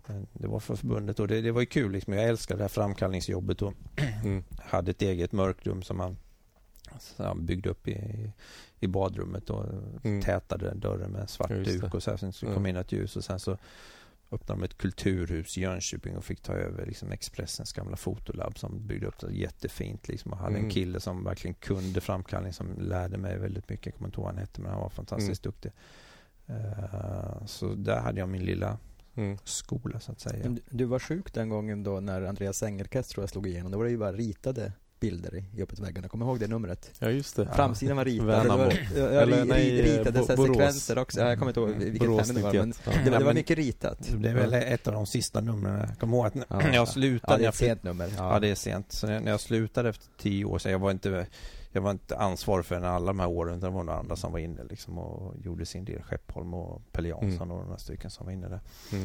Eh, men när jag slutade då hade jag ändå ansvar för haft en i princip själv sista år. Då var när jag flyttade upp till Åre och mm. mycket snowboard och så. Och då tog Pontus Karlsson och någon annan över. Jag hade drivit den i tio års tid och de pallade sen bara med två nummer tror jag. Sen gick den i graven. det var tålamodet. Inte samma driv. De rebrandade väl ett, ett, nummer. Den heter UE Action Blast. Ja, just, ja, Action Blast. Ja. Ja. Mm. Men eh, ja, jag har fortfarande massa grejer jag vill prata om 80-talet där. Ja, eh, skateboardcampen också. Mm. Kan du berätta lite hur, hur mycket var du involverad? Och... Jag var nog den första deltagaren på Eurocanas läger uppe i Rättvik då 79 första året när mm. Mike Weed var tränare där uppe så kom jag och så var det Feder då med Fredrik Kock, kompisen i mm. teamet. Vi åkte upp dagen innan. Mm. Bodde på ett motell för det gick inte Vi åkte tåg upp. Mm. Eller om vi kanske fick skjuts. Men vi, oavsett så var vi där dagen innan. Så vi var faktiskt in, en dag innan lägret började. Så vi var de första deltagarna där. Mm. Så var jag på det lägret. Och sen mm. så nästa år så var det Stacy Peralta och Allan Gelfand som var tränare. Var där också. Mm. År tre, fortfarande i Rättvik, så var det Caballero och McGill. Mm. Jag var där, det var fantastiskt. Och sen så var jag i Australien sommaren efter. Så var inte. Sen så tog ju vi över i Skateboardförbundet och ordnade tre år i, mm. i, i Stockholm då. Mm. Uh, fantastiskt och otroligt roligt. Liksom. Först som mm. deltagare, mm. sen också att arrangera det. Och det mm. betyder ju fantastiskt mycket. Först för svenska skateboardåkare, mm. uh, men på sikt för hela Europa ska jag säga och mm. få en bättre kontakt med amerikanska för åkarna. För de här skateboardlägren var ju det första av sitt slag i hela skateboardvärlden. Ja, det var det. Ja, de, ja. de gjorde någonting unikt. Uh, Eurocanerna, de som drev det, de kom ju också från den här freestyle skidåkningsvärlden liksom. Mm. Och på freestyle skidåkning där fanns det en del läger. Mm. Man åkte iväg. Så de, de, tog ju det konceptet och så gjorde de det mm. i Rättvik. Och då var det, det var inte bara skateboard första året. Det var lite rullskridsko och windsurfing också tror jag. Mm. Uh, och bodde i en liten stugby en bit mm. ifrån den här skateboardparken. Men fantastiskt roligt. Det, det, det, måste ju verkligen ha förstärkt gemenskapen för de som höll på med skateboard ja, och inte lägga av. Ja, vi, vi, det blev ett ställe att, att träffas och framförallt sen när det blev bättre åkare som kom som tränare första året med Mike Weed. Han, han blev ju Han var ifrån och åkte av oss allihopa svenskar egentligen. Det var Mm. nästan, nästan synd om honom ska jag säga. ja men det var det. Så hade, de, skiten honom alltså. så hade de ju i svenska tränare Peder Strauss på slalom och Fabian Björnstjärna var också Mm. på slalom och så Per Welinder på freestyle. Ja, just det. Ja. Eh, Men sen nästa år när Stacy kom, Allan Gelfand, då var det ett ganska stort, det var ju coolt Mm. på riktigt liksom. Mm. Allan Gelfand för de yngre lyssnarna som eventuellt inte vet uppfann Olli. Mm. Mm. Mm. Allan Olli. Ha, han Ja, har gjort exakt. det då, Olli? När Ja, ja, jo, ja. Mm. Då kunde det var han- därför han kom dit ju. Aha. Mm. Mm. Han levde på det tricket kan man säga. Ja, han var ju duktig på annat också men det var, Ja. det var ju, han slog ju igenom med det, det gjorde han ju. Ja. Och jag- sen så året efter var det då Ja. Caballero och McGill. Det var Ja. ganska roligt. George Powell var över i Sverige för ett par år sedan så träffade jag honom och intervjuade Mm. honom för mitt jobb jag hade då. Mm. Och då berättade han då, för jag, jag frågade hur, hur, varför skickar ni över de här åkarna liksom? Mm. Men då var det, de hade ju då någon form av, de betalade ju pengar till de här åkarna, lite typ av månadslön eller någonting. Mm. Då höll ju Skippo på att gå ner ganska kraftigt i USA så det var en ren kostnad för dem. Så de skickade över dem till, till eh, Sverige då, som tränare så, så betalade vi det, eller de som ordnade lägren deras lön istället. Så det var ju ren för att de Mm. skulle Mm. slippa betala det lönen. Så de tyckte det var en besparing för dem att Så- skicka över dem. Är det en snålhet Ja, det som gjorde att McChristen och Ja, där kom lite, från? lite så är det faktiskt. Ja, roligt. Mm. Skicka dem till socialist-Sverige så betalar, betalar de. Men vad, vad, vad, fick ni pengarna ifrån att betala lönen? Skateboardförbundet? Ja. ja men det var ju anmälningsavgifterna. Det gick Mm. väl ungefär break-even kan jag gissa de här lägren. Vi tjänar nog inga större pengar på det Mm. men det, de betalar alla. då. Men jag menar, det byggdes ju en stor ramp också. Det kan ju inte varit gratis. Ja, men det var Johnny Söderhäll igen. Liksom. Han, Ja. det, var ju, det var ju Täbyklubbens ramp. Liksom, och Mm. så de, eh, han var, drev den här klubben på ett fantastiskt sätt och fixade och trixade. Han, han var bra på Mm. att fixa saker. Jag höll på att säga bra på att sno plywoodskivan mitt i det, det var jag ska jag Ja, säga. det var du. Det finns jag kan, det finns roliga episoder där. Ja, ber, berätta. Har du åkt fast? Nej, ja nästan kan man Ja, säga. För ena gången, rampen i Huskvarna är det ju då. Ja. Så ena gången så när vi skulle byta plywood då byggde de faktiskt en gymnastiksal. På andra sidan vägen så var det en stor gymnasieskola. Mm. Och skulle de bygga en gymnastiksal där och då är det så här, då gjuter de ju allting och den här gjutplywood Mm. var den bästa och då förstod vi det. Så då gick vi dit en tidig morgon och Mm. lånade deras, de hade så här, på bygget hade de så här vagnar som de forslade, så vi lånade till och med deras vagn och så fyllde vi den med plywood och så drog den i en gångtunnel ner till rampen, lossade av och så gick vi tillbaka med vagnen. Så. Ja. så um, det var ganska mycket. Men det, det, den roligaste episo- episoden av att sno plywood, det var, en söndagkväll, jag kan inte säga, men säg Mm. fem Det- det- kan vi säga. Det är preskriberat. Ja, det är faktiskt det och det är nog tur det. Men jag, hade haft, jag spelade så här, Drakar och Demoner, så här, Mm, rolls, rollspel, ett spel som heter Call of Cthulhu spelar jag. Mm. Och då brukar vi låsa in oss ett gäng killar. Vi träffades på fredag kväll och så söndag Mm. eftermiddag så slutade vi. Så var vi inne hos den här kompisen och spelade hela, hela helgen. Mm. Och så hade jag sett då ett bygge där det fanns lite plywood. Mm. Och så frågade jag min kompis Hagge som inte, kan du inte hänga med? Så- Vi hade takräcke på mammas bil. Mm. Och så tar vi och plockar lite plywood och köper vi buren, lite ny plywood till rampen. Eh, men han vägrade, han ville inte, nej jag vågar inte. Så. Mm. Eh, Men jag åkte dit, lastade på plywood på det här bygget liksom, på taket ganska mycket, säkert en Mm. 15 skivor och sånt där. Spände fast det så körde jag upp mitt, det här var mitt, eller ganska sent på kvällen, det var mörkt Mm. i alla fall, så körde jag upp till Huskvarna Folkets Park. Kör bilen hela vägen ner till rampen, Mm. ställ den där och börjar lasta på. Ja. Står där och lastar så kommer en bil nerifrån den parken. Den park, Folkets Park var omgängat av ett, ett, ett staket kan man säga, eller ett Mm, mm. stängsel. Så kommer den nerifrån och så slår den här bilen på helljuset på mig och tittar på mig. Och så bara rivstartar bilen och så, vad fan är det? Och så ser jag att det är en polisbil. Och bara, Oj. shit. Här står jag mitt i natten i Folkets Park liksom med min bil och lastar av plywood. Så jag, jag tar väl bilnycklarna. Men jag kan inte åka ut för det finns bara en ingång till den här parken. Så jag hoppar, ja springer ut. Man, hoppar över stängslet helt enkelt. Springer över till den här gymnasieskolan. Sätter mig i ett cykelställ där och tittar på vad som händer. Och ser att polisen kommer dit Mm. och undersöker min bil och så här och är där Mm. ett tag. Och så eh, först åker bilen därifrån och så ja, då är det väl lugnt där. Så eh, går jag typ, smyger tillbaka, går en liten omväg runt, här, går tillbaka Mm. på husstaketet och börjar lasta av plywood, det sista. Här. Mm. Då kommer den jävla polisbilen tillbaka igen där nerifrån och ser mig. Och då är jag så himla trött och, och Ja. stressad så då hoppar jag in i en stor buske som är där Ja. i närheten och då det kanske är en 40-50 meter från. Jag hör ju dem ringer på polisradion och ger, Ja. uppger liksom registreringsnumret på bilen. Och så här, det här går åt helvete. Jag bara väntar på att de ska komma med en hundpatrull. Ja. Men det gör de inte. Så åker de därifrån. Jag sitter och jag är i shorts och t-shirt. Det är kallt något så vansinnigt. Mm. Jag fryser, men jag sitter säkert där i 20 minuter. Jag tänkte att de står ju någonstans runt knuten Mm. och bara väntar på att jag ska komma fram. Mm. Jag sitter så länge som jag verkligen pallar. Så till slut så går jag fram. Ingenting händer. Så lyfter av de här eh, skivorna. Sen går jag faktiskt ett varv runt hela Folkpark på, på utsidan för att se ifall det står någon polisbil någonstans. Ingenting. Så jag sätter mig i Mm. bilen, startar den, åker ut genom grinden. Ingenting händer. Jag bara väntar på att det ska komma en polisbil. Mm. Åker hela vägen hem. Och det är klockan mitt i natten säkert vid Mm. ett eller någonting. Smyger in.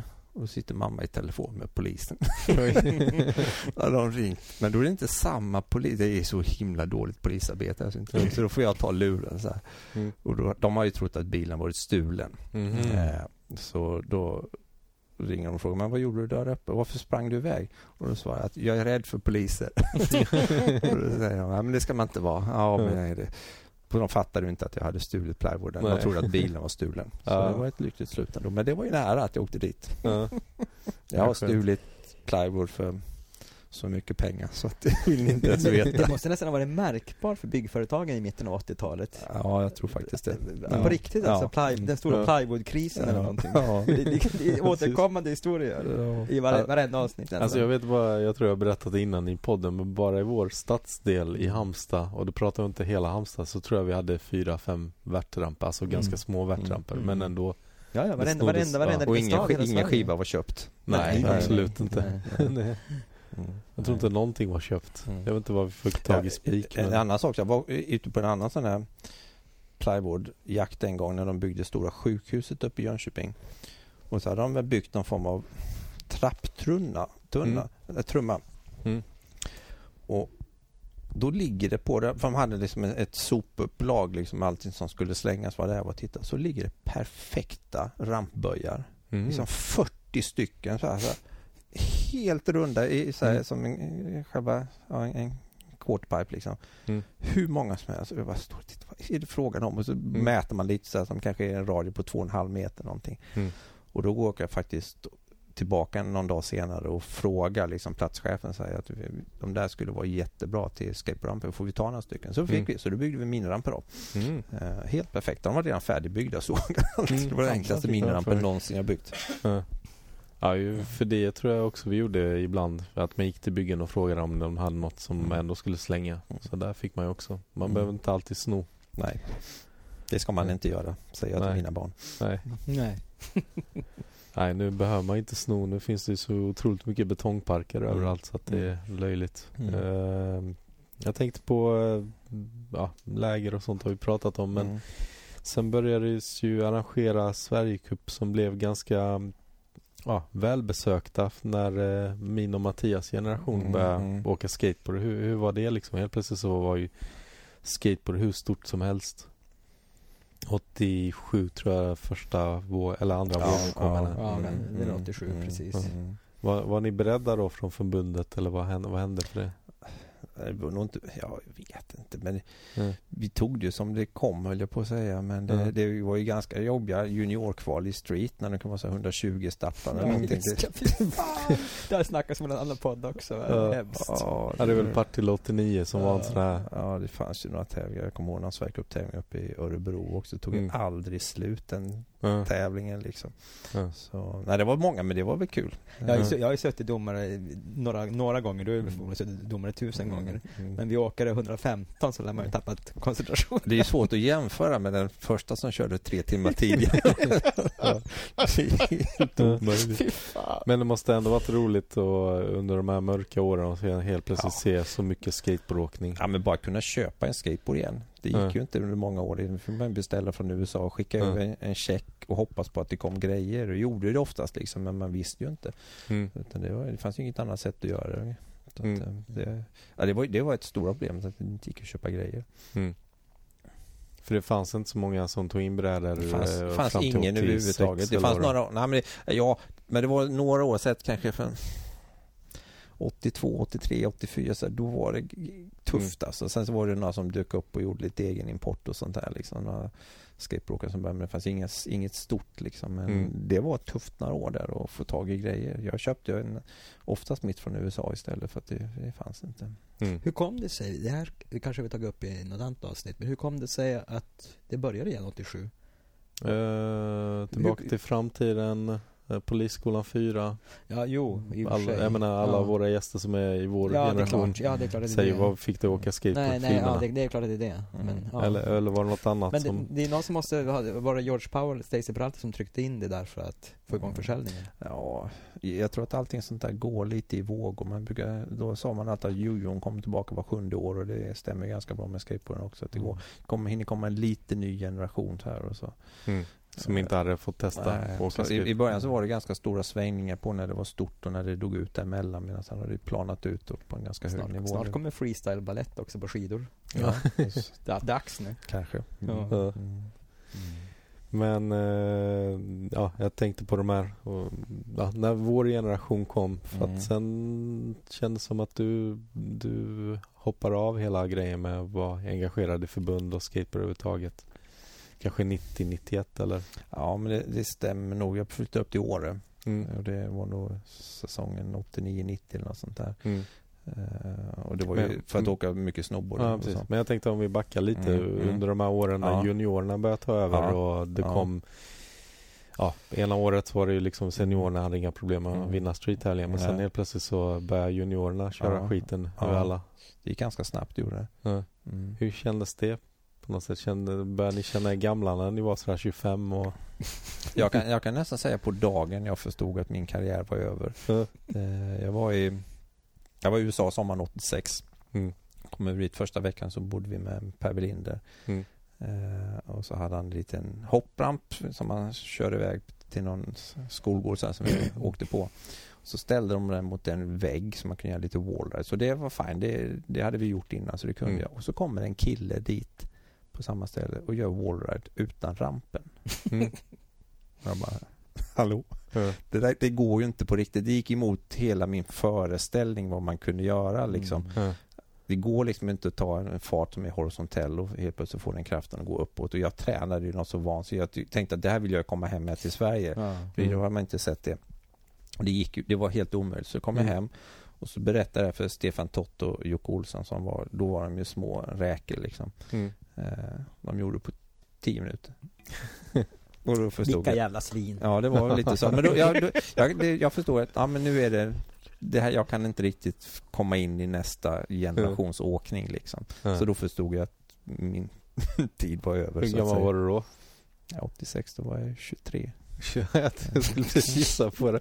Då var 23 så gammalt inom skateboard på något Ja, sätt. ja. Så, Hur gamla var Jocke och Stefan då? 13? Nej, lite, men sen Ja. kanske 15 kanske de var. Mm. något Ja. jag vet inte. Men, men eh, du fortsatte i några år där också och eh, vi har ju en bok här framför oss. Visserligen på norska. Men vi kanske ska backa till boken före. Vi har tricktipsboken här på norska. Men eh, det fanns ju en bok som hette Skateboard. Mm. Skateboard bara eller? Mm. De, de som jag refererade till i början i introt. Ja, Ja. precis. Mm. Skateboard var ju faktiskt en bok som Frank Messman i Danmark gjorde Mm. först. Och så gjorde Jan en svensk översättning av den och gav ut den i Sverige. Mm. Eh, Jag hade några bilder i den bara. Mm. Jag var inte inblandad i, i boken egentligen.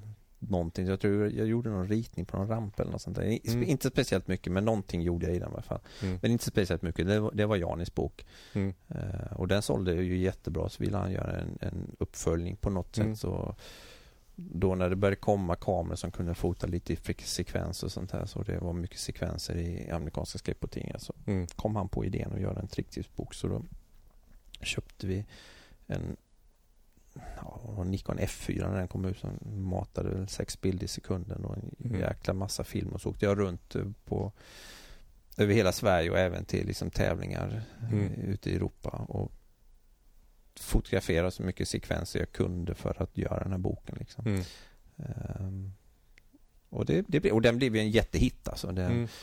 Var den större hit än själva skateboardboken? Ja, det är jag nog ganska säker på att det var liksom i, ja. i försäljning. Och det, som sagt, Jan ja. gjorde den på, på norska. Jag tror att den finns i en polsk variant och det kanske ja. säkert något annat språk också. Liksom. Ja. han, var, han är otroligt driftig så han, han mm. såg till att, det, att den blir bra. Mm. Uh, ja, det, jag, Har du några siffror?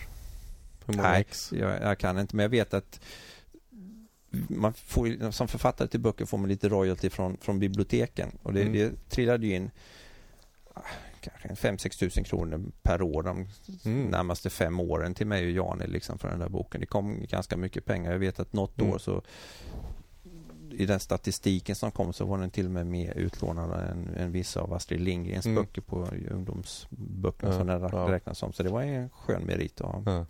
Tror du att den hade lånat ut mer om inte det var den mest stulna boken mm. i biblioteken? Antagligen. Så men biblioteken köpte också många böcker av ja. oss. Så att, men det, jag har förstått att det är en av de mest stulna böckerna i, ja. i ja, men Jag sa det innan, jag tror jag har sett biblioteksvarianten eh, av boken mer. Ja. Den har väl en hård pärm? Ja, hård pärm, ja. ja. Och det är det tråkiga med de här böckerna som inte är biblioteksböcker då, att de limmet i ryggen är torkar så att de trillar ju isär. Det är inte så många som är hela längre utan de har mm. torkat limmet. Men du har några stycken hemma eller? Jag har bara två. Jag tänkte jag ta med en hit men då lyckades jag ta med en bok på norska. kan du inte köra lite högläsning Mattias? Jag kan, jag kan läsa baksidan här så, vi, så att folk vet vad den handlar om. Mm. Det, är alltså, det här är ju alltså tricktipsboken som kom efter skateboard. På norska? Utgåva. Ja, det är den norska ja. ja det står världens bästa skater visar och förklarar hur de gör sina favorittricks i 101 forskjellige bildeserier. Trinn för trinn i bilder och ord lärde de dig massor av freestyle, ramp, slalom och streettricks. Och de är dessutom indelt i tio forskjellige vanskelighetsgrader, 1 till 10 för att du ska finna ditt nivå. Mm. Här finns allt från Ollie till Tony Hawks och Rodney Mullins senaste tricks. Mm. Ja, det är lysande. Förstå vilken var... bibel det här var, ja, fast på svenska. Man hade ju med sig den ut när man skejtade. Ja, ja, ja, jag hade ja, ja, Och man var så glad när man ökade svårighetsgraden där på tricken. Men mm, så vi... mycket skit vi fick för vilka trick som var svårast och inte. Berätta allt. Hur, hur, när, när började skit, eller när fick ni skit direkt eller? Ja, det var det nog. Mm. Ganska så. Eh, det var jag och Jani som gjorde det mesta. Vi hade väl någon annan som kanske var med. Men när vi gjorde den här, då hade Jani ändå fått tag i mm han, på hans jobb så kunde vi använda laserskrivare så och skriva ut. Men vi, mm. Och jag hade skaffat mig en egen repprokamera för jag höll på lite att sy kläder och sådana saker och behövde mm. kunna göra sådana saker. Så jag, vi rastrerade bilderna själva så skar vi ut hål för där bilderna skulle vara så tejpade vi dem bakom. Så alltså det är en otrolig klipp och klisterbok alltså. Mm. Det fanns ju liksom inga Indesign-program på den tiden så. Så att mm. vi kunde inte få in bilderna i alla fall i datorn. Mm. Så um, ja, vad var frågan? Svårighetsgraden på tricken. ja, hur de kom till. hur, satte ni dem? Jag vet faktiskt inte. Men jag är säker att jag pratar med några stycken eller tycker till själv mm. och så här, så, ungefär så. Ja. Men lite så kan, om man ska ha till något försvar så här, för det är vissa trick som har fått väldigt hög svårighetsgrad. Som till, till exempel ditt eget trick? Nej, det tror jag inte. Det är nog fortfarande svårt. Men det är så, det, lite wrong, wrong way. Wrong way ja. ja. Men det är svårt. Ja. Det har ni knappt gjort själva. Nej, aldrig. Nej, du ser. Nej. Jag, du har gjort impossible allt möjligt. Jag avskräcktes av svårighetsgraden. Jag aldrig, jag vågar aldrig testa det. Nej, men det är lite så när trick är nytt och så tycker man att det är svårare på något mm. sätt. När alla kan det så sjunker lite svårighetsgrad. Så det finns mm. vissa ramptrick där som man nu i efterhand kan förstå att det var inte riktigt rätt. Mm. Som. För det var svårighetsgrad 4 på ganska svåra tricken då, eller? Ja, vi, ja, kan vi, vi, lägger upp det här sen, eh, för att här uppfinner, eller förlåt, uppfinner Martin Wilners år 1986 Mänsklighetsgrad 9 på en 10-gradig skala. Så är det Martin Wilners wrong way. Ja. E efter kommer Roddy Mullen och som 1989 gör en 360 kickflip en halv meter hög. Det är samma svårighetsgrad. ja. Men det är inte helt fel. Nej, nej, nej, det är inte, det är inte fel i hela Vilken av de tricken kan du? 360 kickflip. du ser. ja, ditt, ditt borde vara på 10. Ja. Ja. ja, jag har varit lite ja, det är försiktig. ja. Men den är ju extra rolig nu i efterhand också när ja. trick, svårighetsgraden på tricken har ökat något. Ja, nu är det knappt något trick som får trea där. Nej. Men det var väl eh, ja, ganska snabbt den blev inaktuell egentligen. Ja, så, så var det ju. Men jag tror att den, det tjänar sitt syfte. Det mm, ja, verkligen. Mm. Det var ju det man nästan köpte skateboardtidningar för. Det var för att se sekvenserna. Då fick man en hel bok med bara det och ingenting annat. Liksom. Mm. Ja, nej den var helt suverän. Alltså på riktigt. Den var verkligen Mm. För freestyleåkare tror jag speciellt. Så. Ja, verkligen. Ja. Och det kan inte varit många som... Nej. Nej, men jag tror även streetbeaten och sådär. Jag tror att den, den var... Mm. Den, den, den hjälpte nog till att sprida lite mm. Kunskap. Och sen tror jag också streetåkare tog lite freestyle-trick också mm, samtidigt. Mm, mm. För det var väldigt populärt med flat där. Ja, ja visst. Också. Mm. För den kom väl ut 89? Jag skulle tro den norska vi har Den norska som jag har 90 men, men det måste vara 89 den svenska. Mm. Mm. Definitivt. Och alla bilder är svartvitt inne i mm. den. Mm. Det är häftigt. Ja. Så så. vet, fick vi också lite skit för att sekvenserna går ju inte alltid från som man läser dem utan de går ju ibland åt andra håll. Men vi satte sekvenserna i den ordningen man åker. Som man skulle Jaha. följa liksom som om ja, man skulle det. klippt ihop det som man sen gjorde i datorn liksom fick ett flöde på bilden, en och samma bild. Mm. Satte den i den riktningen som man Men å andra sidan kan man tänka att de som gav er skit då kanske skulle ha gjort en bättre en bättre bok själva då, ja, om det, det var så jävla fel. Ja, verkligen. ja. Mm, fan. Mm. Men uh, ja, där någonstans så lämnade du uh, sen efter den boken kom ut? Ja, men, eller? Ja, för Skateboardförbundet och så i och med att jag blev åka med snowboard upp i år men samtidigt mm. hade vi en fanns en fritidsgård uppe som hette Lokalen. Mm. Och I Åre då? I Åre och de hade en liten miniramp och en ja, liten klättervägg och litet café och så här. Ja. Och när jag, ett år så bodde jag i princip granne med den lokalen. Mm. Jag har nog aldrig åkt så mycket skateboard mm. som den vintern, ska jag mm. säga. Då var jag, ska inte säga att jag var duktig, men jag, jag lärde mig moderna trick då. Mm. Och så något, en, någon, eh, något sportlov eller något sånt, så var det så ordnade de en tävling där uppe och det var ganska många duktiga åkare. Jag, kom, jag kan inte, och då körde vi en head-to-head tävling. Mm. Jag kunde ju mina rock'n'roll och laybacks och jag lät mig Ching på den tiden. Mm. Så det var ungefär det jag kunde. Mm. Eh, och så när man kör ett så är det alltid någon som åker ur. Och jag hade flytet att alla jag mötte ramlade hela tiden. Så jag gick hela tiden mm. vidare. Så kom jag till final. Jag tror det var mot Stefan Ylletal från, från Luleå eller Umeå. Var han Luleå? Mm, Luleå. Mm. Eh, och han spöade skiten nu men han ramlade inte då. Men jag slog ganska många duktiga åkare på vägen dit. Men det berodde ju på att de ramlade och jag inte gjorde det. Men jag, jag ju egentligen inte ens nära att slå dem. Men, men så blev det. Men du åkte upp dit för att jobba eller? För jag antar att du tänkte inte bli snowproffs eller vad?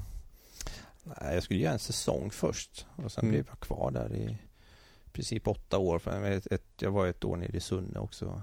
Mm. Också på den här mörka sidan. Mm. mitt mörka förflutna. Mm. Men um, nej, jag, jag, jag sydde kläder på den tiden. Jag hade mm. ett klädmärke som hette Ave Saltus. Ja, just det. Hej hopp. Hej hopp på, på latin. Det är ja. cred att du vet det. Ja, mm. det har jag läst uppåt väggarna tror jag. Ja. um, och det var ju lite tanken att kunna sälja lite mer kläder där uppe så jag flyttade upp med hela verkstaden och symaskiner och alltihopa. Mm. Och sydde därifrån men så blev, började snowboard växa. Mm. Jag började fotografera mer också mm. och jag var lite snowboardlärare och sånt där. Så att, mm. eh, ganska snart så, så blev det inte så mycket sömnad av det mm. liksom. Var inte du involverad i en snowboardtidning som heter UPG också? Nej, det var jag faktiskt inte. Det, det kommer från år men eh, mm. Nej, jag sålde lite bilder och sånt. Jag skrev artiklar under en eh, pseudonym med den också. Då, mm. då, då jobbade jag på Burton. Det var inte helt så här eh, bra att jag när jag jobbade i branschen kanske skriva en snowboardteam. Jag gjorde under namnet Eva Suttlas. Som blev alltså baklänges för Ave Saltus. Ah. det där kommer jag faktiskt ihåg. Men jag visste inte att det var du. Jo, Eva Suttlas. det var en stor hemlighet, eller? Nej, det var det inte. Men, ja. Hur, hur, var det i år då? Snowboard var ju nytt men eller egentligen vi kanske ska backa. Ja. Du var ju väldigt tidig med snowboard också. Ja, det var jag nog. Ja. Ehm, eh, gjorde ett hemmabygge 78. Mm. Eh, och sen så... Hur, hur, visste ni att snowboard fanns ens Ja, det såg man i skateboardtidningen. Det var skateboardtidningen mm. det kom från? Ja. Det var det. Och då har man sett annons för ett snowboardmärke, eller ett, egentligen sandboardmärke som heter A-Team. De åkte på, mm. i sanddyner. Mm. Då beställde jag en kompis det. För att åka på snowboard eller på och, snö? Ja, board, vi hade ett sandtåg i Jönköping också ute i Baskarp som var, där vi åkte sandboard också. Mm. Eh, men det beställde vi varsin sån bräda som kom till julen 79. Så att, jag visste inte det fanns rikt, regelrätta sandboards. Nej, snowboard var vi först men några började åka på mm. sand också. Den här hade en liten bottenform så här, som gjorde att den kanske mm. mer kanske funkade på sand än vad den var på snö. Liksom. Men, men det var, så började vi. Och sen så, då, då funkade det bara att åka lössnö. Så att, mm jag åkte fortfarande skidor liksom. Det, det mm. tog ju inte över. Jag åkte mycket mer skidor än jag åkte snowboard på vintrarna. Eh, mm. Sen den första riktiga brädan kom med stålkant och bindningar. Mm. Jag köpte en Simsbräda 85. Mm. Eh, och den var ju som en dröm och sen så i februari 86 så kom eh, Jake Burton till, till Stockholm. Han var i Sverige mm. på en liten turné så jag försökte sprida snowboardens budskap i Europa. Så var han mm. uppe i Täbybacken. Så jag fått reda på att han skulle komma dit. Så jag åkte upp från Jönköping med målet att bli mm. sponsrad. Liksom. Då var det Jani var där också. Janne Olsson vet jag var där. Loftén och mm. Neo mm. var där också. Eh, jag har en... Eh... Och det slutade faktiskt med att jag kom och åkte därifrån med en bräda. Mm. Jag blev sponsrad. Du blev sponsrad? Ja, ja direkt av Direkt Burton. av Jake. Så det var cool. Ja, och då, då, den brädan som den Burton Cruiser, den gick fan med inte åka på jämfört med Sims-brädan. Den var fruktansvärt tung och klumpig. Mm. Uh, men det fick man ju svälja lite. Mm. Uh, men det gick ganska, ganska snabbt sen efter så gjorde de en bättre bräda. Så att sen så mm.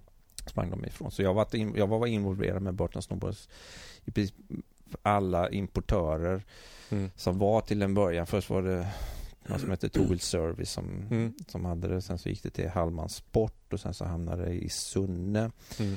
Eh, och sen så när jag hade flyttat nerifrån Åre tillbaka till Strängnäs så mm. en dag så alltså, jag, jag hade funderingar på att kanske försöka ta över den här Burton distributionen i Sverige. Mm. Eh, och så ville jag göra det med en polare som hette Per Westman. Som hade, när jag hade jobbat med Burton i Sunne ett år och mm. slutade från så var en kille, Per, som tog över efter mig där kan man säga. Mm. Eh, och så pratade jag med honom lite. Ska vi inte ta och, och sätta ihop ett brev och skriva till Burton Österrike och säga att vi är intresserade. Mm. Under tiden, ungefär samtidigt som vi har författat det här brevet så, så ringer Jake själv till mig mm. och frågar om jag är intresserad av att ta mm. över det i Sverige. Det var ju som Gud själv ringde. mm. Så det gick ju inte att tacka nej då. Mm. Så, så då jobbade jag med det ett par år faktiskt. Eh, mm. Men jag körde alldeles för mycket bil och det var för mycket. Vi var tre personer på hela Sverige. Det var ett fruktansvärt jobb. Så att det, otroligt kul företag. Jag mm. älskar än idag, allt vad de gör. Liksom. Det är ett fantastiskt företag. Och Jake är en fantastisk person. Liksom. Så det, det, var ju superkul. Det var det. Men det var ju också då uh, suget efter snowboard var, blev väl bara större och större? Ja, det var det då. Snowboard exploderade ju där i början på 90-talet liksom. Jag mm. drev en snowboardbutik i år som heter Garage under tre års tid. Det började 93 mm. till 95. Ja, det var du som drev. Ja. Uh, ja, det var superkul på alla mm. sätt och vis. Du räknade upp en massa namn där. Eh, Oskar Hellblom ringer en klocka. Ja, jag känner honom mycket väl. Ja, mm. kollega till mig, eh, ja, fysik och matte. Jag, jag, jag sa att jag ska väga och intervjua Martin Willner. Så han, han, han var, varit med dig i Observatoriet Lund berättade. Han var faktiskt de som, han och Anders Auer var ja. de första som importerade Burton Snowboards till Sverige. Men de tappade det faktiskt egentligen direkt till Tour Service. De hade det inte ah. många veckor ska jag säga innan. Mm. Men det var de faktiskt. Det, det har han inte berättat. Ja, mm. det var han faktiskt. Mm. Mm. Eh, bruk, han brukar hänga med Anders för att han, Anders bor i mm. Australien, ja, precis. Ja, just det. Ja. Mm. Och okay. det var väl mest skateboardåkare till en början som började åka snowboard? Ja, det var det definitivt. Ja, så det var ju mm. samma skatescen nästan ja, som, mm. ja, på, eftersom inte det fanns så mycket inomhuslokaler kan jag tänka mig att man, man vill åka snowboard för att hålla igång bräd, brädgrejen. Ja, helt klart var det började så. Sen så kom det in lite man tävlade ju ganska mycket alpint på snowboard i början. Då kom det lite skidåkare från den vägen som var vana vid att köra portar. De blev snabbt ganska duktiga. De visste hur man skulle åka linjer mm. och sånt här. Så att, eh, men där, där, de allra flesta kom ju från, från skateboardvärlden. Mm. Och sen blev ju snowboard så pass stort ganska snabbt och kom med i OS ganska snabbt också. Du var mm, involverad i landslaget? Ja, jag var landslagstränare ända, ända fram till första OS. Året innan det så fick jag jobb på tidningen Åka skidor så fick jag lite välja mellan att fortsätta som landslagstränare och då var i princip oavlönat då. Mm. Ehm, eller ta jobbet på Åka skidor. Då tog jag jobbet där. Så att jag fick ett heltidsjobb när jag bodde i Åre. Mm. Ehm, så det var inte så jag fick aldrig vara med. Men jag var, jag var kanske en tre, fyra års säsong som jag var förbundskapten. Mm. Det var inte så mycket att man var tränare utan det var att de som var landslagsåkare skulle jag fixa liksom, träningsläger åt dem så att de mm. hade någonstans att bo och träna och att det fanns pipes mm. och man byggde hopp och sådana saker. Mm. Sen, jag var väldigt involverad. I snowboard har jag verkligen gjort allting liksom och mm. ordnat läger och tävlingar, haft ett eget snowboardmärke och mm. sytt kläder och haft en butik och mm. jobbat med Burton. Ja, precis, det var Train du hade, ja, eller? Ja. ja. Mm. Som Absolut var... världens coolaste snowboardbrädor. Ja, verkligen. På riktigt. Och du har inte kvar många brädor, eller? Nej, jag hade sparat två stycken men så var jag en kille som samlade på trainbrädor. Mm. Som lyckades. Vi gjorde en bräda som hette Trainman som var som Stålmannen fast med istället. Mm. Han hade en tågräls som arm. Mm. Fråga mig inte hur och varför. Mattias Wiberg har ritat grafiken på den. Mm. Men det var min favoritbräda och där, han lyckades få tag i, hitta en sån extra. Han hade en och så fick han en till så fick jag köpa den av honom. Så nu har jag faktiskt en Trainman hemma också. Mm, häftigt. Ja. Uh, och du tränade, eller jag för mig att det var Johan Olofsson och Ingemar Backman som du hade under Ja, de var med i Burton-teamet också. Mm. De, när vi hade vi ordnade i och med att jag hade varit med och gjort skateboardlägena i Täby så när snowboard började växa så insåg man att då skulle man göra ett snowboardläge. Mm. Och då hade vi varit uppe i Riksgränsen om det kan ha varit 89 kanske haft ett brädtest åt Tingen åka skidor. Jag jobbade, gjorde deras snowboardsidor. Mm. Uh, och då upptäckte vi hur fantastiskt coolt ställe det var. De, de som jobbade där också var väldigt positiva till snowboard. Så han, när jag kom med idén att ska vi inte göra ett snowboardläge här liksom i, i mm. maj så tände han, Robban, Robert Gustafsson, han tände på det på en gång och mm. fixade till så vi fick bo billigt och de mm. byggde allting sånt här. Så det gjorde vi faktiskt och det var världens första snowboardläge. Mm. Eh, och, då, och, och, och då, återigen Sverige. Ja, och vi, vi började stort och då hade vi Craig Kelly som tränare. Mm. Det, han var ju han var ju större än vad Tony Hawk var på skateboard. Liksom. Han var ju guden framför alla andra. Mm. Så han kom faktiskt dit och var tränare de första två åren. Sen hade vi, gick vi över till Terje Håkonsen. Som, så det var mm. ganska tunga tränare vi hade på det, det läget. Ska jag säga. Men det var inte då du spöade honom? Eller? I Nej, tävling. Det, det var, jag spöade honom när han var 11 år gammal. Ja. I samband med det var Nordiska mästerskapen i Norge ja. så kom han dit som en liten kvartsmänniska. Ja. Men du minns honom från den tiden? Ja, jag har bilder på honom faktiskt från den tiden. Ja. Mm. Mm. Han, var, han, var, så liten, han var den enda som var liten. Alla andra var ju liksom 18-20 mm. år liksom, så var han 11-12. Men förstod du att han skulle bli en nej, duktig? Nej, det hade man ingen om. Sen kom han ju några år senare vi hade en tävling i Sälen. Mm. Då var han lite äldre, men då förstod man liksom att, det, mm. att han skulle bli duktig. Mm. Och Burton åker också sedan många år. Ja, ja. han har varit med dem hela for life. Uh, och sen har jag för mig också att du jobbade ganska tidigt med en tidning som heter Sportfack. Ja, Eller? Det, ja, det är en tidning som eh, för sporthandeln. Alla som mm. jobbar i sportbutik och leverantörer, en branschtidning. Så, så, och den, den startades 92 tror jag. Mm. Bosse och Maren Aräng. Mm. Eh, och i första numret de gjorde, då hade de en, en artikel om snowboard. Så då, då skrev jag en frilansare där. Men sen dröjde till, jag vet inte, det var när jag slutade på åka skidor. Vi flyttade ner till Strängnäs och fick ett erbjudande från dem. De, de, skulle, de drev tidningen från Åre och så skulle mm. de flytta ner till, till Strängnäs och starta mm. en annan tidning som heter Sportmode och fick erbjudande om att ta hand om den och det här måste ha varit 97. Så flyttade mm. jag ner dit och sen, och sen så var jag där något år och sen så kom det erbjudandet från Burton och så mm. var jag där ett par år och sen så kom jag tillbaka. Så, mm. Sen jobbade jag på Sportfack i 18 år innan jag slutade för ett ganska precis ett år sedan snart. Mm. Mm. Och det jag lite funderar på det är att jag misstänker att du ändå måste ha pushat för snowboard och eh, skateboard till sporthandeln. I tingen, ja det var det gick inte riktigt att försvara den andelen skateboard och snowboard som var det. Men det, på något sätt, jag kan ju försvara det med min heder för det är idrotter som som visar vägen för andra idrotter, hur mm. idrotten mm. ska gå till. Mm. Uh, ja, jag, vi hoppar lite. Men, mm. ja, nu när, när, man står lite vid sidan om så är jag mm. Det är lite svårt när man är mitt i saker att förstå varför det man håller på med, varför man älskar så mycket och man gör. Mm. Men de senaste, när det var tävlingen i, i, i Högdalen och det varit nere på Värtattack och så här. Mm. Så har jag upptäckt en sak som jag tror är helt unik med skateboard och varför skateboard föder så eller skapar så bra människor ska jag säga. Det finns väldigt många bra människor som, mm. som någon gång har åkt skateboard. Uh, och det är ju det här, man tävlar på skateboard så mm.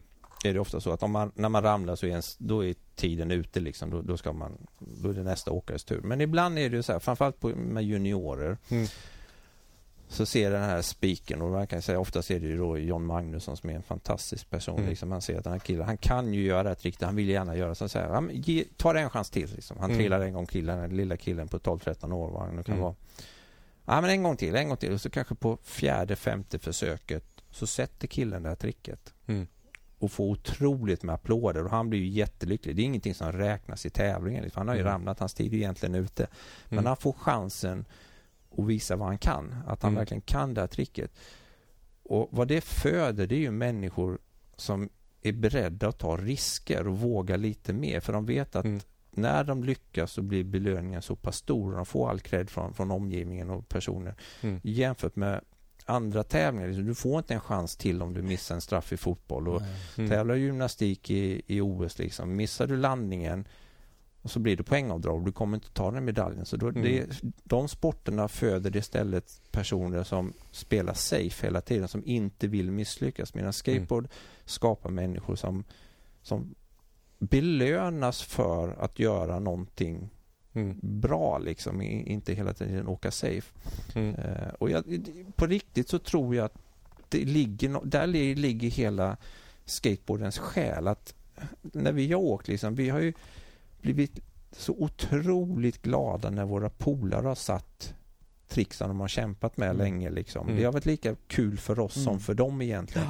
Och så mm. är det inte i andra idrotter. Där, är det på ett annat, där vill man, man vill inte att någon annan ska bli bättre än en själv. Men Rodney Mullen har ju förklarat det jättebra i någon föreläsning han har haft att jämföra lite med programmering som du håller på med Dennis, med mm. liksom open source. Att man att stora gruppen när, när man inte, när man hjälps åt så går utvecklingen mycket snabbare mm. än om man ska utvecklas in, bakom stängda dörrar och ingen ska se och så ska man helt plötsligt komma till en tävling och så ska man ta fram och visa vad man kan.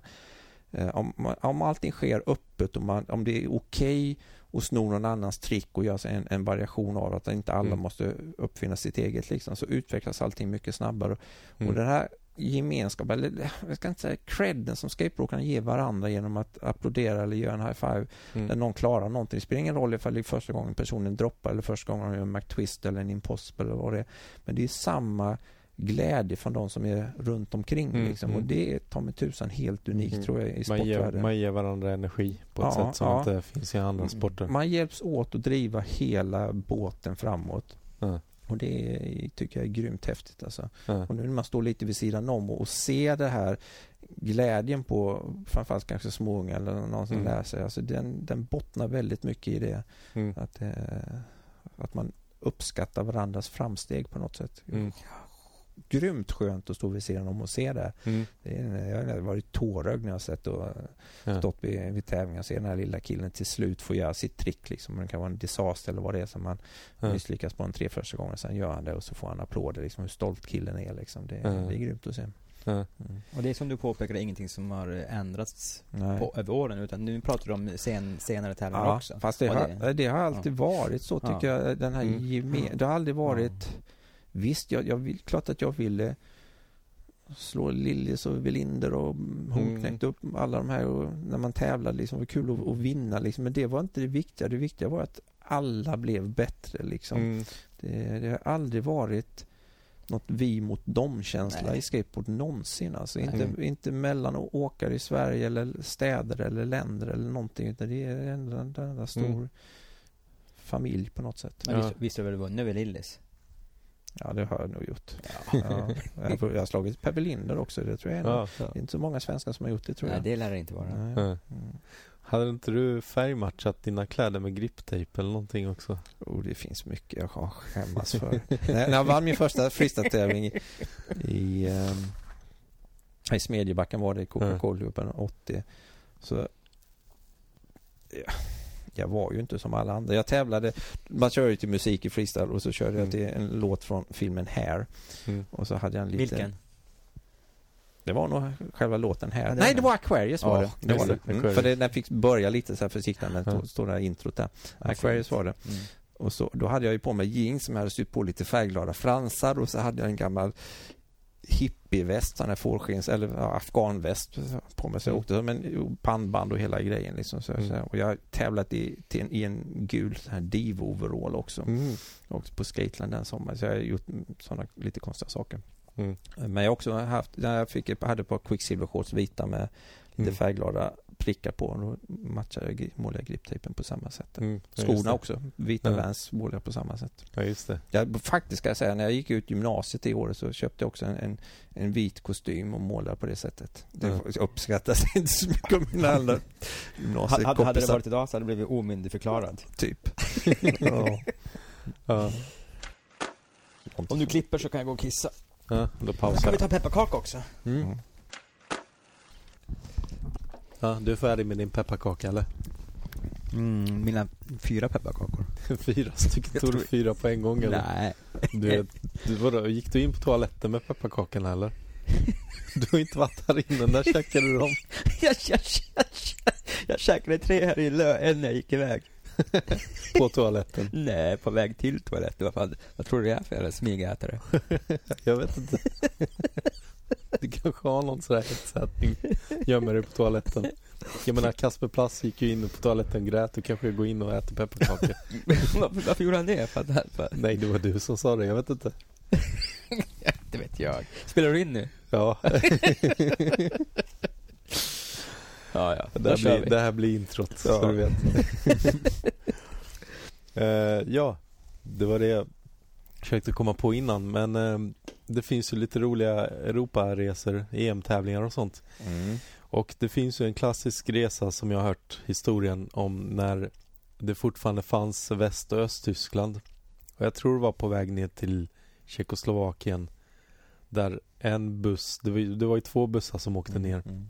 En buss beslöt sig för att åka in till Östtyskland, vilket inte var den bästa Ja, vi idén. åkte igenom Östtyskland men de försökte väl, de tog sig väl in till Berlin. Så var det ja, Mm. just det. Mm. Men det var inte den bussen du var. Nej, det var det faktiskt inte. Nej, Mm. Nej kanske ingen större överraskning men...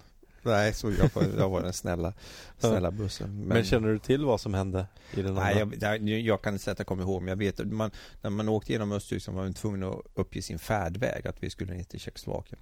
Mm. Och de avvek ju från färdvägen och det var inte populärt hos östtyska polisen kan jag gissa. Så jag, jag vet faktiskt inte vad som hände, jag var inte den bussen så det kan jag inte säga. Nej. Däremot så kan jag säga att under den resan så räddade Per Holkling Tantanen mitt liv. Så, Oj. så vi, ja, vi, vi körde ju hela natten med den här bussen, den var fullproppad med människor. Mm. Eh, Tony Jansson sitter och kör Mm. mitt i natten Mm. och är på väg att somna. Mm. Och Per ser det här och tar över ratten liksom när bilen håller på att åka över hela Mm. vägbanan. Så. Mm. Jag, tror, jag, ska inte, jag, tror att det var Tony Jansson som såg. Jag ska inte, jag ska inte beskylla Tony för, för någonting om det nu inte var han. Men någon somnade vid ratten i alla fall och Per märkte det här och tog tag i ratten och fixade till det. Mm. ja, vad skönt. Mm. Ja, det är ju... Ja. Mm, Men... Där, där förlorade jag mitt, jag blev bestulen på mitt pass inne på vi tävlade då i stora hockeyarenan där de brukar spela, spela hockey-VM och så. Och Mm. I Tjeckoslovakien. Ja, i Prag. Ja.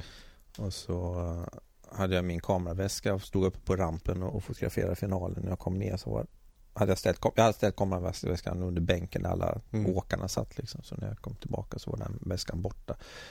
Med alla, de flesta bilderna från Oj. den tävlingen. Jag hade, de enda bilderna jag har därifrån är det som är den kamera jag hade. Jag hade två kameror med. En kamera Mm. uppe på hyllan då.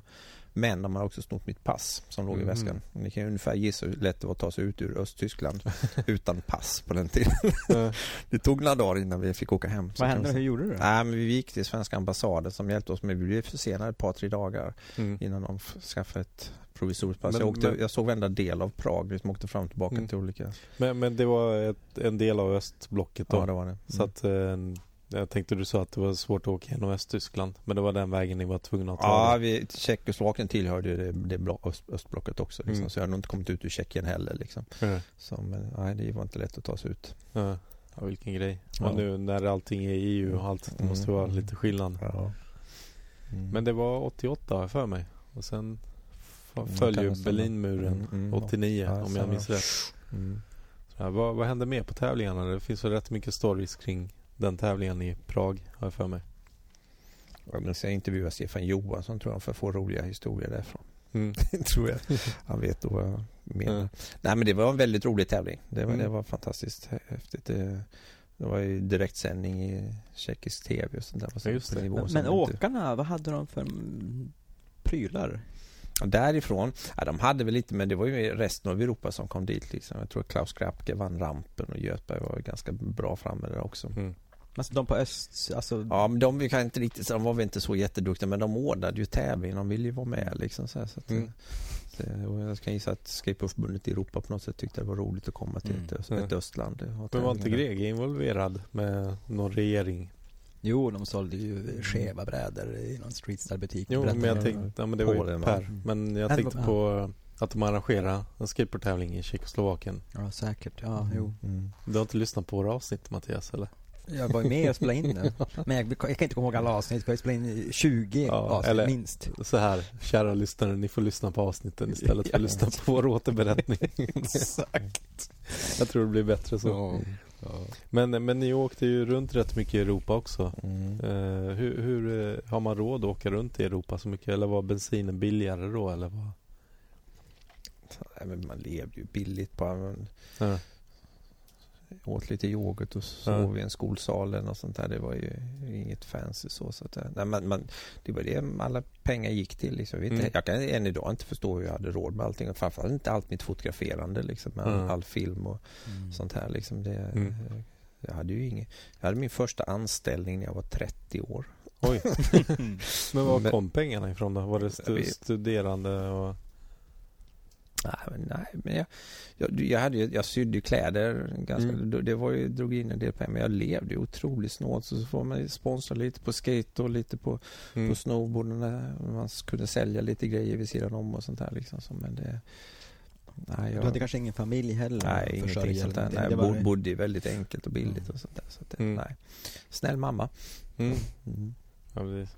Jag tänkte när du, ja, du bodde, du hade ett stort eh, gäng med skateboardtidningar som du skänkte nästan i uppåt väggarna. Ja, jag när man, när man är så här 20-25 års ålder, man flyttade ju Mm. en gång om året och jag hade en, en sån här stor ja, flyttlåda med tidningar. Den vägde ju hur mycket som helst. Jag var så trött Mm. på den. Alla, alla liksom, kanske inte uppåt väggen, men alla amerikanska tidningar Jag hade ju liksom Skateboard Mag från 77 eller 78 kanske när jag började köpa den. Alla Thrasher, alla Action Now, alla Mm. från Transfer när den började. Så här. Och så var jag så jag bara, nej nu ska jag inte släpa på den och så sålde jag den till någon kille i Linköping som köpte alltihopa. Och det, det dumma var att det var till och med de tidningar där jag själv var med. Jag hade ju en Mm. helserie, någon Action Now från lägret med, med Stacy. Mm.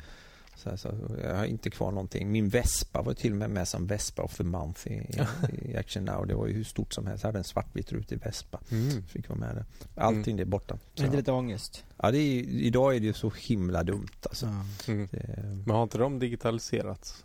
De gamla ja, tidningarna? det- Skateboard Mag finns ju dit så jag vet inte Mm. riktigt på med, eh, vad heter de? Med, ja, ja, Thrasher kanske finns också allihopa. Jag vet inte. Ja. Kanske. Ja. häftigt. Och du har också varit över i USA. Ja, jag var en sommar, var jag 86, åkte över Mm. med Stefan Johansson. Mm. annan freestyleåkare och så hade vi styrt upp det med några Ja, kanske vi inte hade styrt upp men när vi väl kom till USA så träffade vi på lite tyskar och schweizare och sådana som vi åkte Mm. runt med. Eh, Och vi var väl där en åtta vi, vi var i Kalifornien Mm. säg en fem, sex veckor innan vi skulle upp till Vancouver för VM skulle köras i, i Vancouver för första gången på riktigt. Varenda tävling i USA kallas ju för VM liksom. Så, Mm. Men det, nu var det på riktigt så att det kom Ja. folk från andra länder än USA Ja. också. Och det var den här världsutställningen när den var Ja, i. Vancouver. Så innan dess så hängde vi runt i Mm. Kalifornien åkte runt i ett par bilar. Så. Och det var verkligen super. Vi var ett gäng freestyleåkare. Mm. Eh, Rudi Matte från Schweiz var med. Mm. Eh, Jörg Ludwig, en kille som nu har en stor skateboarddistribution i Tyskland, var med. Mm. Eh, Günther Mockulus var med och så var Mm. jag och Stefan. Då. Det hände en himla rolig grej med, med Günther där. Mm. Vi andra som åkte runt, vi, vi ville ju se lite av Kalifornien annat och åka lite skateboardparker och så, inte bara Mm. åka freestyle. Liksom. Men Günther han var ju på jakt efter att hitta den bästa freestyle-ytan i, i Kalifornien. Det var ju hans mission med att vara där. Så när han fick reda på det förstod att vi skulle åka ner till Mexiko bara åka över gränsen, åka ner och, och mm. surfa och lite så här. Eh, så ville han inte hänga med. Mm. Och han kan ju ingen, kunde då ingen engelska i alla fall. Mm. Eh, kan knappt nu knappt heller. Nu heller. så när vi var i San Diego tror jag han förstod att vi skulle fortsätta ner till Mexiko så vägrade han. Nej, skrek han. ja, men då, då sa han, ja, men jag, då vill han ta sig tillbaka upp till, till Huntington Beach och mm. träffa några freestyleåkare där. Och vi sa, jag kommer ihåg, liksom, tyckte att men du kan inte ta dig dit själv, du kan ju ingen mm. engelska. Jo, man insisterade, han skulle ta en, en greyhound-buss upp till Los Angeles och ut dit liksom. Så till mm. slut så sa vi, fine. Hur, hur, hur pratar ni med varandra då? Ja, men jag kunde väl lite tyska, men framförallt de andra som, tyskarna som var med. Ja, ja det är klart, Rud, Rud var med. Ja, de, de, de, de kunde ju tyska och mm. sen kunde prata engelska, jag förstod vad som hände. Mm. Men då är det en himla rolig sak här. Han sticker iväg på den här greyhound-bussen, jag kan försöka ta den här historien kort. Mm. Eh, vi ja. firar det här i Schweiz nationaldag, kom ihåg. Vi firar det med att gå ut och äta en lunch liksom, eller middag. Mm. Det var skitskönt att bli av med honom på ren svenska. Han var inte så rolig att ha med sig. Mm. Eh, och så ett par dagar senare så Jörg Ludvig som var med, han, han jobbar då Titus och de hade mm. tracker-distributionen i, i Tyskland. Så mm. skulle han dit på ett möte och när han kommer tillbaka så räcker han fram en liten post-it-lapp och på mm. den står så här We found Günther, he is lost. och då är historien det här att när Günther hade tagits upp till, till Huntington Beach eller Hermosa, jag kommer inte ihåg, Hermosa mm. kanske det var. Så visste han inte var han skulle ta vägen. Han visste inte mm. var någon bodde, han kunde inte fråga eller någonting. Så han tar sin skateboard, han har en liten väska och så har han en stor bergsprängare med sig. Det är hans packning när han är i USA. Mm. Så åker han på den här strandpromenaden fram och tillbaka. Så jag hoppas att det kommer en annan skateboardåkare. Mm. Uh, och det börjar bli mörkt och på stranden så är det en, en tjej med några kompisar som håller på att spela beachvolleyboll hon förstår att den här killen inte riktigt hör hemma, hör hemma där. Och hon bor ju där och vet att det är inte så jäkla bra att rulla på den här strandpromenaden när det blir mörkt. Liksom. Det är inte de snällaste människorna som kommer ut då. Mm. Och hennes pappa är polis. Mm. Så hon ringer till sin pappa och säger du får nog komma ner Mm. Så de tar med honom, han kan inte göra sig förstådd, han kan ju ingen engelska överhuvudtaget. Mm. Men de tar med honom hem, han får bo hos dem. Eh, får inte någon klarhet eller någonting överhuvudtaget vad det är för någonting. Så de bestämmer att vi får skicka hem honom. Mm. så de kör ut honom till flygplatsen. och, och, då börjar Günther fatta vad som är på gång. Eh, och då fiskar han upp en, en Transworld-tidning och så tar han fram en track-annons och pekar på annonsen så här, liksom ring hit liksom. Uh-huh. För han visste att Jörg skulle dit dagen efter. Uh-huh. Så då ringer den här amerikanska polisen till tracker och säger att we found Günther, he is lost. Och så lämnar den meddelande. Och då fick vi åka tillbaka upp och hämta Günther. Nej, ja, ja, Och det roliga är att han var på väg att åka hem några veckor senare så vinner han VM i, i Vancouver. Så det var ju tur att inte skicka hem honom. Mm. Men, äh, ja. Eller vänta, vann han? Ja, han vann amatörklassen. Ah, amatör, ja, just det, för mm. Rodney vann ju såklart Han proffs. fick 100 poäng av mig när jag var domare där då. Ja, Alla domare. domare gav honom 100 poäng. Ja, just det, du var domare där. Mm. När var det här? 85? 86. 86 ja. Det är det enda året jag kan i huvudet så här med 86. Undrar om Günther skulle ha kraftverk på sin bergsprängare när han körde rakt. Men, men jag, jag har för mig att uh, den har gått på tv till och med en dokumentär som gjordes från den. Den tävlingen? Ja. ja det var, jag, jag var ju med, det finns också en annan rolig historia som uh, Det var jag som var där och så var det Stefan och så kom Hasse Lindgren över mm. för, för tävlingen. Det var bara vi svenskar, så var det ingen rampåkare med. Mm. Men de tävlade i, i värtramp också. Johansson mm. eller Åkesson? Stefan Johansson. Johansson ja. Eh, så när det är dags för tävlingen så, så tänker jag, jag har ju med min värtbräda och jag har åkt mm. eh, så tänkte jag, men jag kan ju ställa upp i amatörklassen och jag hade med min slalombräda också så jag, jag, jag tävlade i alltihopa som jag alltid gör liksom. Så jag mm. Och så när de skulle ha träningen Eh, så lottade de då med tre amatörer och tre proffs. Mm. Och jag hamnade i gruppen Steve Caballero, Christian Hosoi och Steve Alba. Mm. Och så var det tre, två andra amatörer också. Jag var, det kändes så, något så fruktansvärt pinsamt att vara på samma mm. dropphylla som dem. Jag vågade knappt droppa in. Och det, det så, Caballero han kände ju mig sen lägren då, men så han var så himla schysst. Så när de hade åkt ett tag och han förstod att jag inte riktigt kände mig bekväm att åka med mm. Så stoppade han dem och sa att nu är det Martins tur, nu får han köra.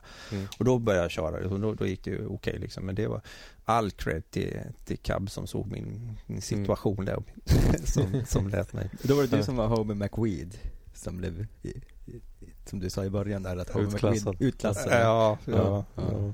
Så, nej, det var en fantastiskt rolig tävling den här tävlingen Mm. där uppe. Det var det verkligen på alla sätt och Mm. vis. Mm. Men du lärde ju känna dem ganska tidigt. Jag tänker på Steve Caballero och alla de här, Tony Mm, Hawk och mm, sånt. Är det, har du kontakt med dem fortfarande än idag? Nej, det har jag inte. Men däremot när, de, när man träffar dem, man har varit på värtattack och sånt här liksom. Så, Mm. Har ju Högdalen och så. Ja, så har man ju träffat dem. Så, ja. Nej, jag ska inte säga att jag har någon kontakt med dem. Så. Mm. Eh, Jag kommer ihåg när, när jag läste Tony Hawks självbiografi. Jag vet inte om ni läste den boken? Mm. Mm. Eh, Jag tyckte den var så bra så mejlade jag över till honom. Hittade någon, fick tag i någon mejladress till honom. Mm. Eh, Och bara ja, skrev att jag tyckte det var kul att läsa boken. För det handlade Mm. ganska mycket om Sverige i den också. Mm. Eh, Så, och då svarade han tillbaka att då hade han veckan innan så hade de haft någon så här 80-tals reunion. Där de Mm. hade klätt sig i gamla 80-talskläder också. Och då hade han klätt sig i de shortsen som jag sydde till honom på Mm. lägret han Nej, där. Så han hade sparat dem. Av alla tusen Quicksilver-shorts Wow. han har fått Mm. genom åren så har han ändå sparat mina shorts. Det, det tyckte jag var häftigt. Ja, riktigt fint. Ja. Riktigt fint. Den vill jag läsa. Har du den Dennis? Eh, jag har lånat ut den. Jag har den. okej. Jag kan, Ja. När vi Ja, träffas för jag, nästa jag har gång. bara läst Ronny Mullen så jag, jag Ja. visste inte hur någon hade skrivit den ens. Den har den inte jag läst. Nej, eh, men den kan du låna av mig då. Mm. Vi får Har, har du inte läst. Ronny Mullens? Nej. Den är också bra. Mm. Ja. Riktigt bra. Mm. Ja. Ja, jag kan tänka Han mig är, han är en vass hjärna. Det, är han, han är, Mm, det kan man säga. Ja, du har väl fått lära känna honom? Rodney var nog den jag lärde känna bäst av de här tränarna i och med att han åkte freestyle också. Mm. Så, dels på, på lägren, även den sommaren när jag var över då i USA så träffade han ganska mycket. Mm. Umgicks mycket med honom i Kanada. Men sen så bodde han ett år i, i Oslo Ja, just det. Mm. och pluggade matte där. Och då var Ja. jag och hälsade på honom. Det är en del bilder i skateboardboken. Mm. Precis. Och du var ju ja, precis, uppe där rätt mycket. Mm. Jag vet inte, men om du har läst boken så var han ju väldigt deprimerad Ja, under den tiden också. Jag mm, vet inte om ja. det märktes. Ja men jo det gjorde det. Vi, vi, vi, på den tiden så mejlade man inte men man brevväxlade så jag, så jag, har, jag har inte sparat några brev från honom. Det är också väldigt synd liksom. Men Mm. jag fick ju höra ganska mycket om hur han behandlade oss. Framförallt sin pappa liksom, hur tufft han hade det liksom. Det Mm. berättade han ju när han var tränare i Sverige också. Mm. Det var ju väldigt jobbigt för honom och när han då bestämde sig för att bryta helt och hållet med sin familj. Liksom. Han, var ju knappt egentligen inte välkommen tillbaka. Liksom. Det, var, det ett stort steg när han flyttade till Kalifornien och så här. Och Mm. Mm. bröt med dem helt och hållet. Så. Men det står det Mm. säkert mer om i boken. Mm. Men det, nej, han var ju, det, det, det gick inte obemärkt förbi för honom. Han, det tog honom ganska hårt tror jag. Mm. Och inte var riktigt accepterad av sin pappa. Mm. Naturligt. Ja, ja. Ja. Men då kommer jag ihåg när han var i Oslo och pluggade matte. Man fick se de här böckerna han hade liksom. Ja. Ja, du var hemma hos honom då? Ja, jag bodde där någon vecka med honom. Ja. Så, nej herregud. Han, han är ju smart på riktigt den killen. Mm, mm. Det är han. Det var ett himla mysterium för det. man kunde inte googla då heller för man såg så här om det var uppe till, någon, någon tidning, vad fan gör Ronny Mullen i Norge? Ja. Mm. Permanent Av alla som det, ställen. ja, som, det- som det Mm. verkar Där det liksom. knappt ja. fanns freestyleåkare. Nej, nej, nej. Nej, han ville bara komma bort från Ja. alltihopa. Mm. Mm. Och samtidigt så eh, startade han väl igång Word Industry och Han måste vara strax efter där ja. Mm. ja, strax efter kanske. Mm. Men han hade ju en sån otrolig, vad ska man säga, trick progression att han, ja, och du fick ju med några trick också i tricktipsboken. Mm, Jag mm. tänker på den här intuition och sånt. Mm, hur, hur mm. var det att se det? Det måste ju varit Ja, man var ju så van så fort man träffade honom. Man var ju, man, då, på den tiden så träffade man honom någon gång om året liksom, när han var Mm. över i Europa. Så varje, varje år så var det ju på en ny nivå som man, mm. man begrep ju inte. Nej. Det, Mm. det finns ju några skateboardåkare i världen som har gjort mer än andra för det här. Liksom. Mm. han är säkert den som har gjort, gjort mest i och med att han även påverkade Street så mycket sen. Mm. Men den brädkontrollen som den personen har liksom, och det nötandet. Alltså, han är ju Mm. han är urfadern till allt nötande. Mm. Liksom. Han körde så himla mycket och Mm. den här perfektionismen. Liksom, Mm. det, Ja, jag, så, jag såg honom i Partille 1990 första gången på Ja. riktigt. mm. Och det är som den här, den här scenen i Matrix när, när de böjer sig bakåt i slow motion och duckar för kulorna. Mm, mm. Så såg det verkligen Ja, ut. mm. Det var, det var, vänta, det ser, så här ser det ut. Ja, men det är på en nivå som... Ja, det var verkligen så här, vad fan det som vi, händer? vi körde ändå ganska mycket på den tiden och vi var inte ens nära. nej, liksom, det, nej.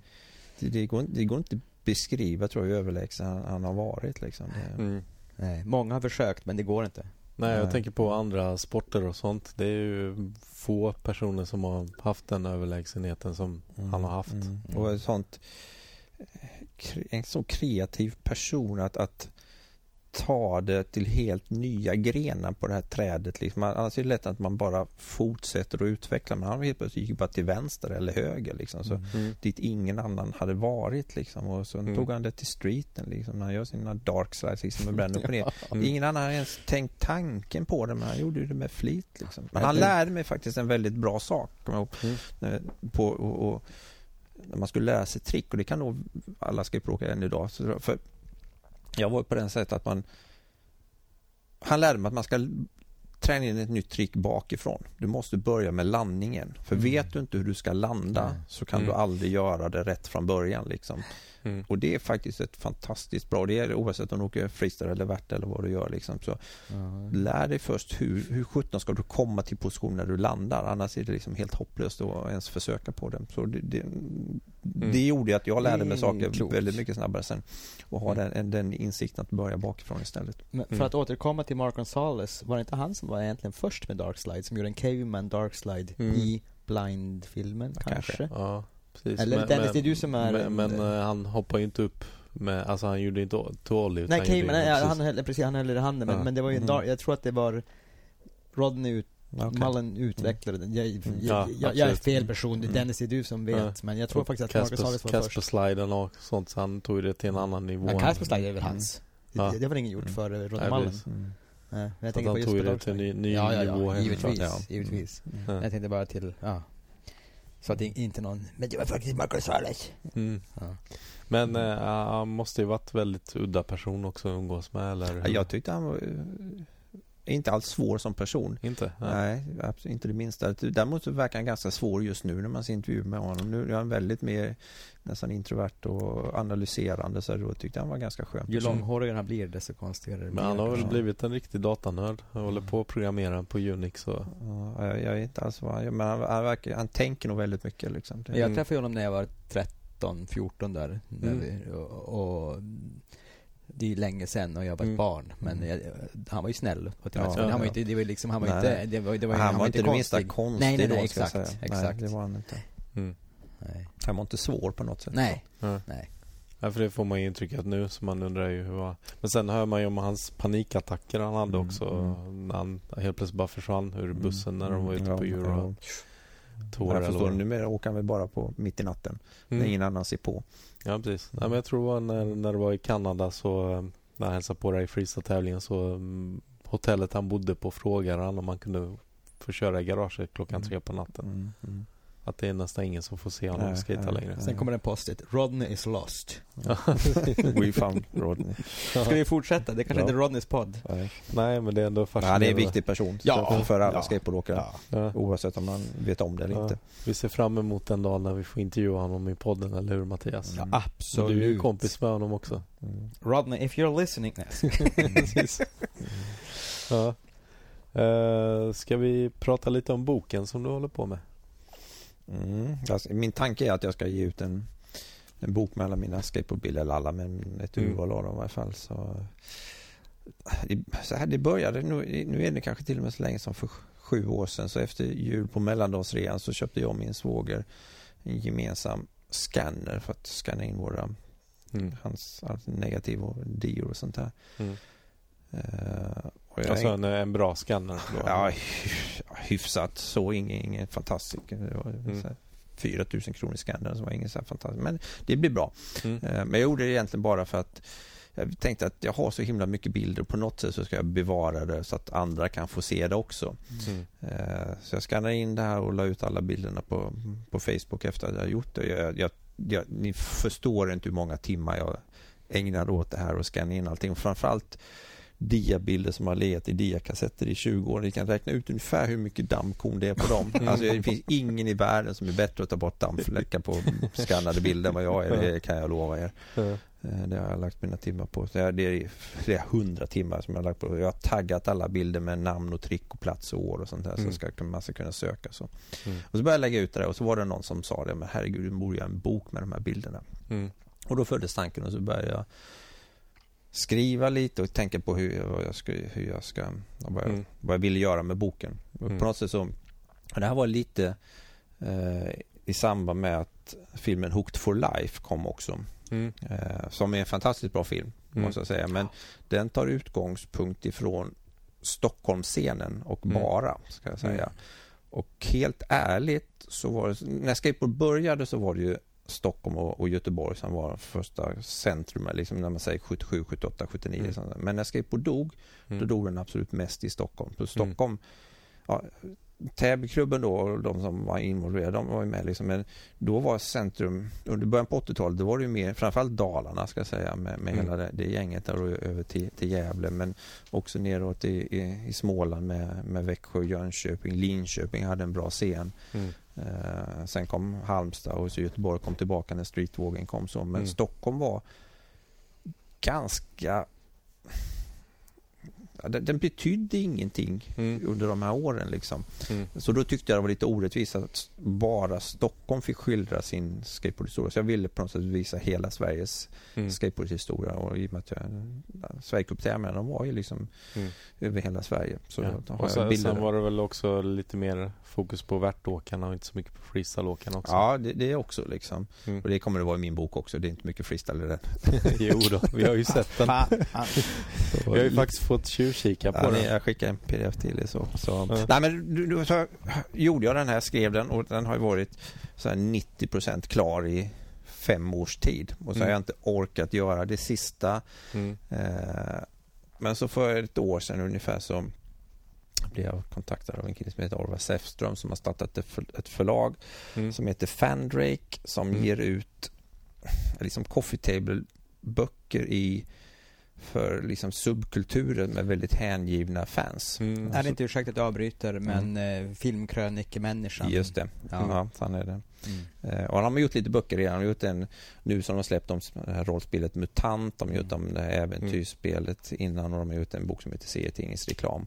Mm. Om Commodore 64 och lite ja, sånt där. Amiga. Jag har både Amiga och Commodore 64 får, böckerna hemma. Får snart en tredje samlingen där. Och jag har för mig att han Jimmy Wilhelmsson mm. efterlyste också någon skateboardåkare i den här seriereklam. Ja, det. Mm. det var någon Coca-Cola-reklam, en svensk ja, kille som ja. ingen visste vem det var. Nej, ingen av skateboardåkarna lyckades hitta men sen till slut var det bara en slump av en helt annan grej ja. så fick de reda på vem han var. Vad kommer den här boken att heta nu? Nu har jag antecknat det sagt.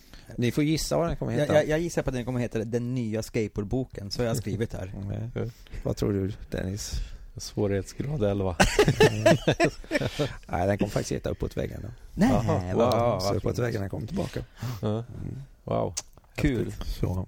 Nej, så den, den håller på nu, men när jag har gjort den först, jag har ju, ja, alla bilderna är mina, jag har skrivit alla texterna så, men jag har gjort formen också. Men det kommer vi inte göra, vi har tagit in en kille som kan göra form istället. Mm. Så den blir snygg också, så inte bara blir så, vi har en kille som ska, ska göra den. Så det, alltså det vi har sett, det är din form? Ja, det är min form, ja. så den kommer bli mycket roligare än så. Mm. Uh, men eh, tanken är att den ska komma ut i, under våren nu.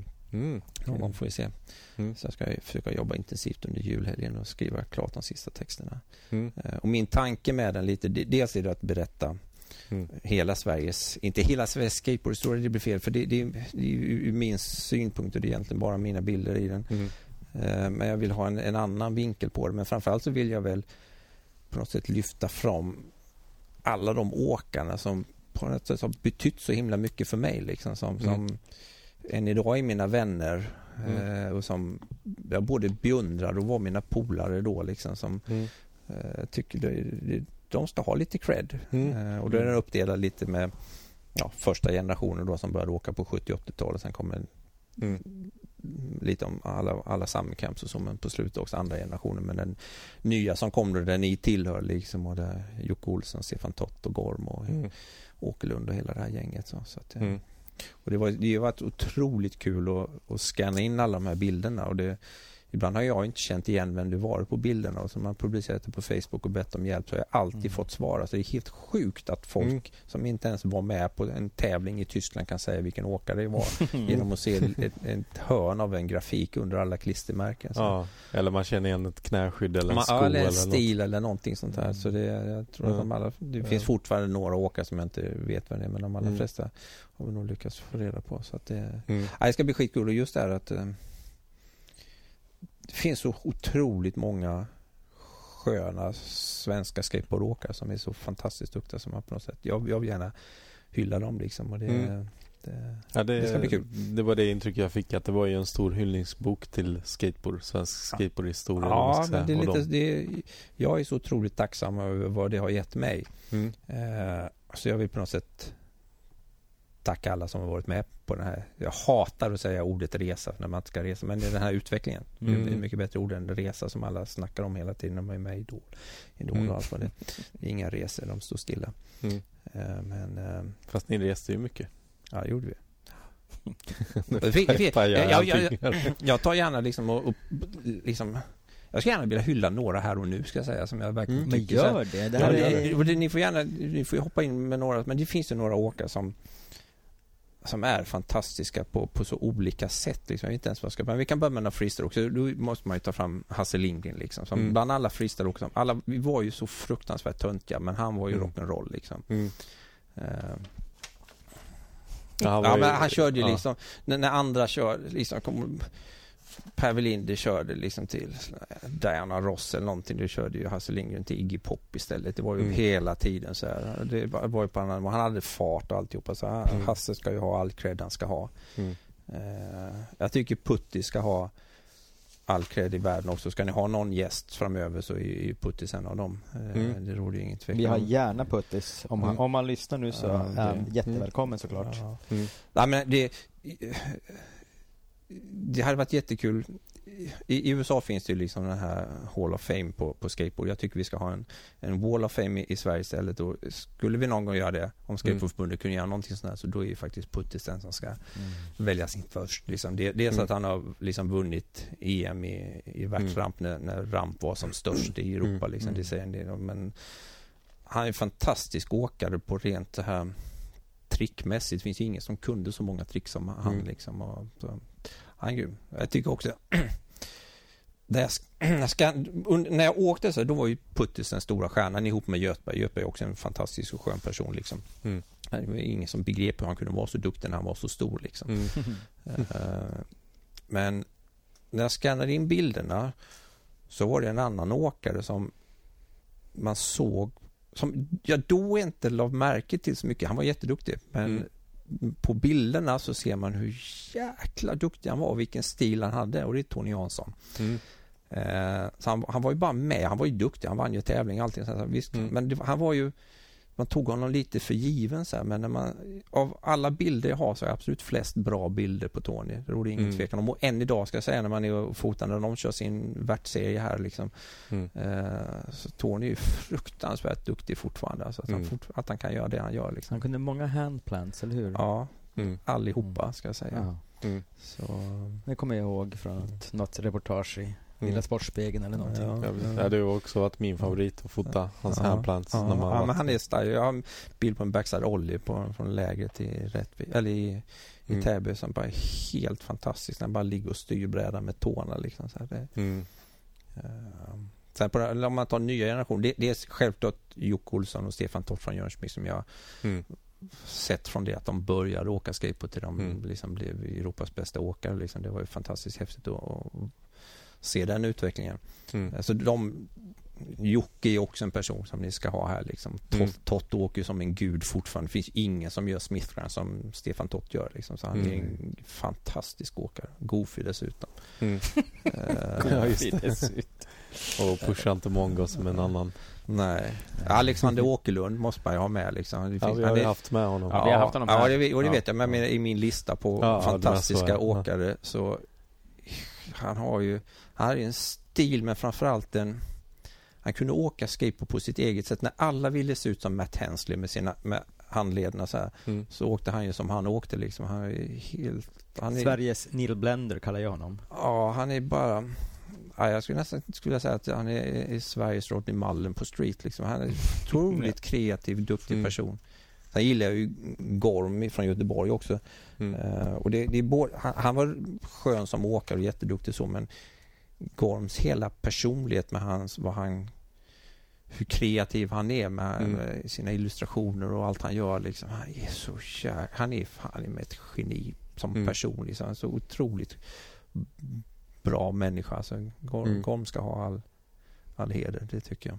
Mm. Jag har säkert glömt jättemånga. Ja, jag ska ta en till och då blir det en mm. Jönköpingsåkare till och det, det blir Nicke Hallgren som jag, den som jag har åkt mest skateboard med tillsammans mm. i hela mitt liv.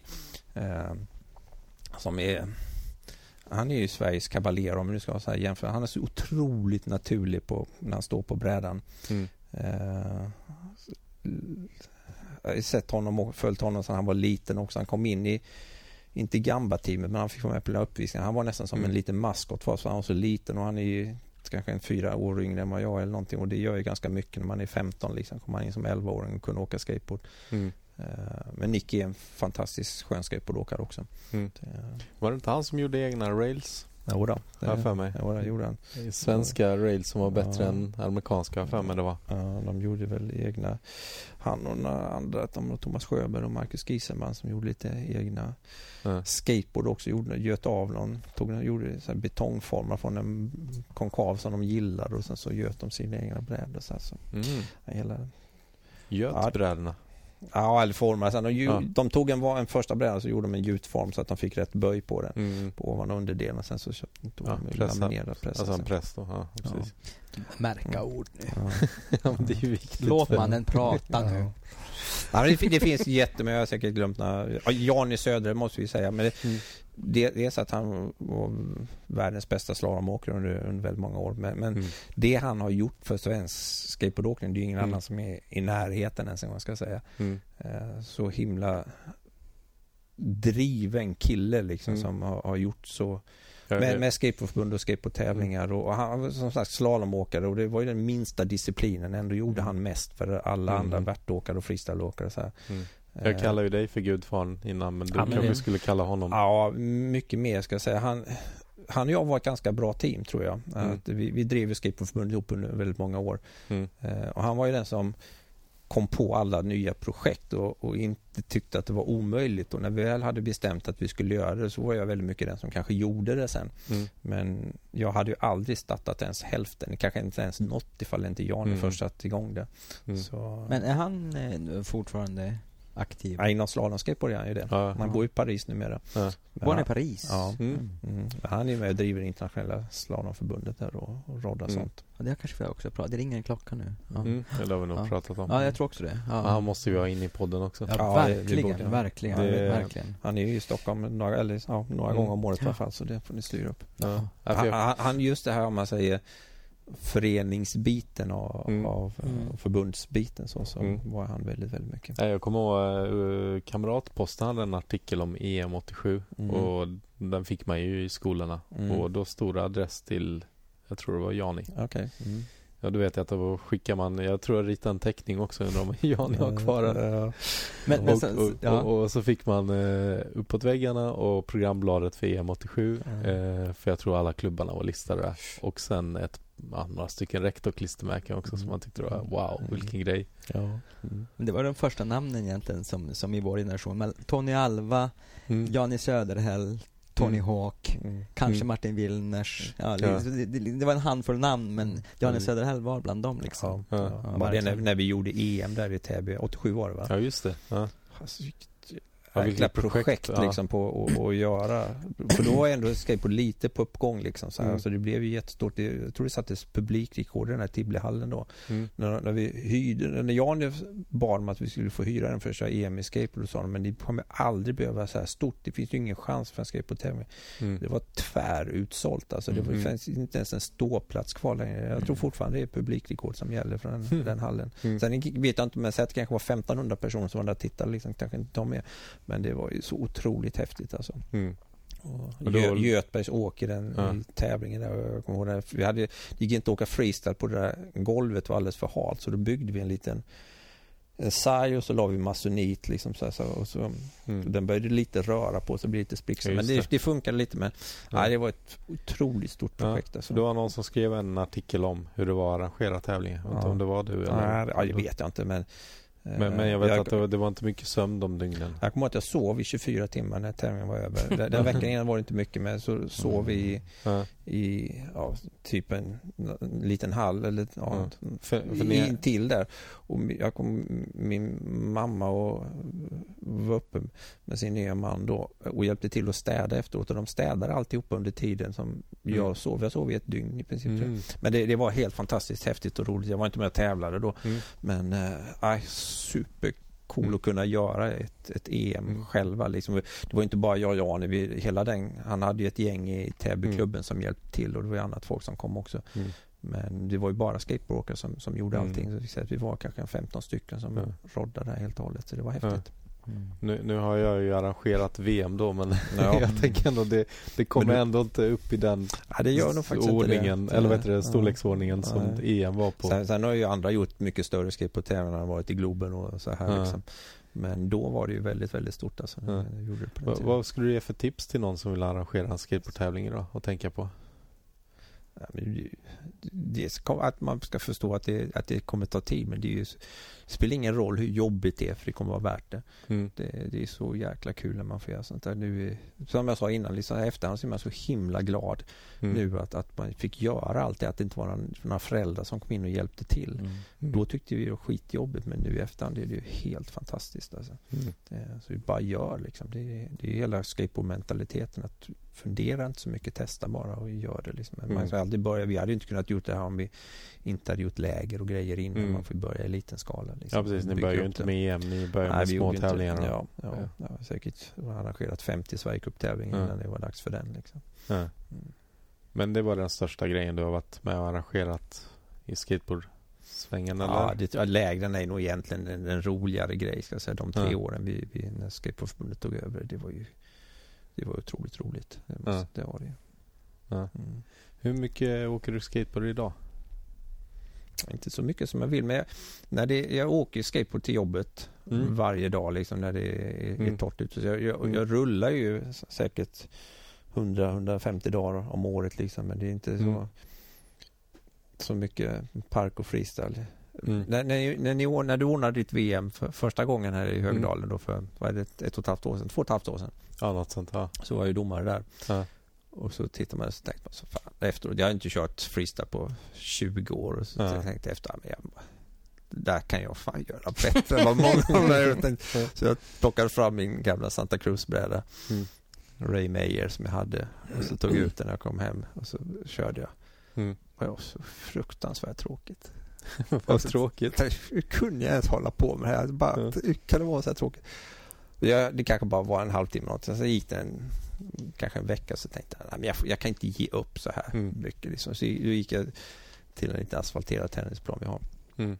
Och så körde jag kanske en, en och en halv timme så bara, nej fan vad tråkigt det är. Alltså, hur kunde mm. jag ens hålla på med det? Så jag slutade. Men sen så var jag ju domare året efter igen, när mm. du var med och tävlade också. Ja. Mm. Jag var ju domare med dig i samma Första år. Första året ja. ja. Och, så, sen, och då tänkte jag samma sak efter tävlingen. Ja, men ja, fan, jag måste ju göra det. Och då mm. började jag faktiskt köra lite. Då körde jag några gånger och det var ganska, och då går av, då tänkte jag nu ska jag mm. inte ge mig för jag åtminstone kan göra några trick igen. Och då, då, då hade de dessutom asfalterat en, som en, en hockeyrink liksom. Så det var mm. fin asfalt så jag kunde köra. Så då var det faktiskt ganska kul. Men i år har jag inte, den här sommaren som har jag inte tagit fram freestyle Men jag, jag, nu kan jag faktiskt tänka mig att göra det. Jag hade då en tanke att jag ville filma så jag kunde göra liksom fem så här trick som jag själv har kommit på liksom. Så mm. Några av dem fixar men inte riktigt allihop. Men jag satt på en mm. lista så som jag skulle vilja göra. Då är det ju den här wrong way självklart. Ja, den ska man ha. Kan 9 av 10 svårighetsgrad. Ja, och sen gjorde jag ju mm.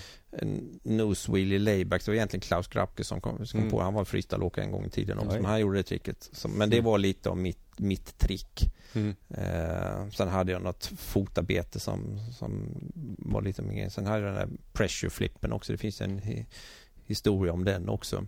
Mm. Eh, Vadå, du, just det. Berätta inte Hasse det att du och... Ja, jag och Hasse var, där kan vi då... Så här var historien med den är att vi var nere på någon tävling. Mm. Var det inte lägre?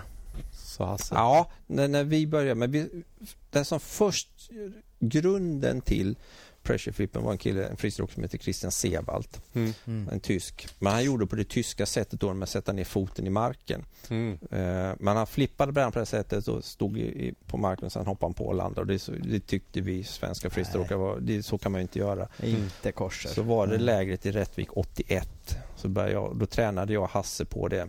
Mm. Att göra det utan att, att bara för då fanns ju knappt ollie på, eller ollie på planmark fanns ju liksom inte, fanns inte oljekick. Mm. Vi gjorde den här, den där flippen och försökte och så jag kan nog, Ingen av oss gjorde det nog på riktigt på Mm. lägret där. Men båda Mm. stack kommissären åkte hem och tränade. Och vem av oss som sen var först att göra den första pressure, det vågar jag inte säga. Men jag tror Mm. nog att jag var nog den som var först med den i en tävling sen i alla fall. Mm. Och hade som, som mitt trick liksom. Men vi, Mm. det kan lika gärna vara Hasse som var först att göra den liksom. Mm. Men det, det kommer från Christian Sewald som gjorde den på ett fult tyskt sätt och så tror vi gjorde, gjorde det fint. Men han, han gjorde snygga, snygga sådana här eh, shavet flips, Christian Sewald. Kommer du ihåg det? Ja, lång och ranglig. Han, jag, Lång han, han var duktig. Det är väl inget- Ja, lång, två meter lång och, Ja, ja, och, skitduktig. eh, Mm. 30 centimeter smal. Men Mm. han gjorde några shavet flips Mm. kommer jag ihåg som var, som Ja. var snygga utan att sätta i Mm. fötterna. Mm. Ja, vi var med. Första Mm. EM vi åkte på var ju 81 tror jag, Mm. nere i Bamberg. Mm. Och då kom vi svenska, då var det jag. Ja, Horknekt var med och Hasse var med och eh, Per var med. Mm. Och så var det då, kom vi ner dit. Och dels så tävlar man då i något som kallas för plikt. Ja, just. Plikt. Man, inte hade. man skulle Ja. göra snurra sex varv, göra sex dogwalk på tyskt. raken. Likt. Ja, ja men det var, det var fem trick eller någonting som man skulle Ja. göra och exakt sex av hela, på något sätt så hela Mm. tiden. Mm. Och jag är som sagt, jag är ganska bra på att nöta Ja. Saker. Så alltså, jag visste, vi visste ju om det här innan så jag hade ju tränat på det. här. Så Mm. jag ledde efter kvalet liksom och Horknekt var sist. Han är Mm. lika stolt över det som jag är stolt över att, att jag Ja. ledde. Eh, Men sen gick ju Per Welind och, och vann alltihopa sen. Men det som var roligt där nere att då, då, vi åkte ju antagligen på ett ganska amerikanskt vis. När vi Mm. kom ner dit och fick se fransmän och tyskar så här som de såg det här mer som konståkning på skridskor. Det var så Mm. otroligt artistiskt. Vi bara, herregud vad fan är det frågan om? Man inte Ja. fattar något. Men då fanns det två personer som Mm. inte var, eller kanske till och med tre då, men den, Får jag gissa? ja, Rodematter. ja, det var den ena. Ja. Mm. Var det två till? Två till. Och vilket år är det? 81. Eh, Jean-Marc Bassett, fransmannen. Nej, han, Mm. han, var, han var konstnärsskolan, Ah, okej. men hans Ja, men polare Rode, Rodematter i alla fall. Pierre-André. Pierre André, Ja, han, och han Ja. blev jag polare med Ja. men Pierre André han, han såg mig redan då hur duktig han skulle Och så Ja. var det Christian Sewald också som Mm. kunde åka. Men And- Amanda var på en helt, de var på en annan planet liksom. De Mm. hade inte förstått vad det, vad det handlade om. Så Ja. det var väldigt mycket åka på ett ben och snurra och så här. För det var liksom. inte tvärtom, det var inte ni som hade missuppfattat allt Nej, att det men det skulle var ju vara vi som visade konståkning. vägen. Nej, nej. Ja. Mm. They led the way. Mm. Ja. Jag funderar Ja. lite på, eh, nu har vi spelat in i två timmar och det är dags att Ja, det är sånt, verkligen. men- Min, min dagis ebola har också börjat Ja. ta ut sin rätt. Jag håller på att Mm. somna. Men jag är lite nyfiken, du jobbar på Puma idag? Ja. Är det Puma Puma eller är det Puma Golf? Nej, jag jobbar på det som heter Cobra Puma Golf som är Mm. Pumas golfavdelning. De, de, har, de köpte ett golfmärke för en sju år sedan som heter Cobra. Mm. Som har funnits länge. Och Mm. så, jag som jobbat på en sportfack i 18 år och så kände Mm. jag att eh, jag måste få göra någonting annat innan jag Ja. pensionerar mig. Ja. Eh, Vad- vad och jag, jag började spela Ja. golf på, jag älskar att spela golf och det, jag kan, man kanske inte Ja, man kan jämföra med skateboard. Det, Det handlar om att nöta mycket det va? handlar så vansinnigt om att nöta. Jag älskar Mm. att nöta liksom. Och Mm. finns, golf är, finns ingenting som handlar så mycket som att nöta där liksom. Så jag älskar ju den här biten. Sen tycker jag Mm. det, är, det är lite filosofiskt nästan som man, när man är ute och, och går i naturen och får Mm. en perfekta träffen och så vidare. Dessutom var det en, det finns en golftidning som heter Golf Digest. De hade nu en, en artikel där Erik Koston skejtar på en golfbana. Ja, det har jag Mhm. sett. Du, du la upp det. Ja, på- så jäkla cool. Ja, det Han åker, han, han, och dessutom spelar han ju Cobra självklart. Liksom. Han, Mm. så, men Kostan är en ganska hängiven golfare och Caballero har börjat spela golf och lite så här, det finns en hel del. Mm. Kelly Slater, surfaren, är också sponsor av Cobra och så. Mm. Men jag, jag kom till Cobra och golf där. Så jag är, ja, det står nordisk marknadschef på mitt visitkort liksom. Men Mm. eh, jag känns inte riktigt så. Jag är en sån liten allt i allo som fixar allting som har med Mm. kommunikation och marknadsföring Mm. Men det är superkul, jättebra. gäng med passionerade människor som brinner. Det är lite på samma sätt som skateboardåkare brinner för sitt Mm. liksom. Så är de här, alla de här, Vad, vad, har, du- vad har du för ka- handikapp då? jag är nere i 11 nu. 11. Mm. Det är inte så bra. Jag känner en kille som är 30. Ja. Nej, jag skojar, jag skojar. Bara förlåt. Är det, är det tvärtom eller? ja, det är tvärtom. Så, Nej, jag är hyfsat nöjd. Jag gick ner i, år. Jag har sänkt mig med nästan fem slag och det är ganska bra på ett år när man är så här gammal. ja. ja, Mm. så från, från skateboard till golf. Ja, nej, men det, jag, jag lovade mig när jag var ganska ung att jag alltid skulle jobba med något som jag tycker är kul. Mm. Eh, jag kommer ihåg när jag var, det var när, nog när jag skulle välja gymnasium jag var nere somrarna hos min morfar och mormor då Mm. och så frågade min morfar vad, vad, vad, jag ville bli liksom, när jag skulle Mm. bli stor, när jag skulle välja utbildning. Så jag har ingen aning, jag vill bara att det ska vara kul det jag jobbar med. Och då sa han så här, jag har inte haft kul en enda dag på jobbet men det går bra ändå.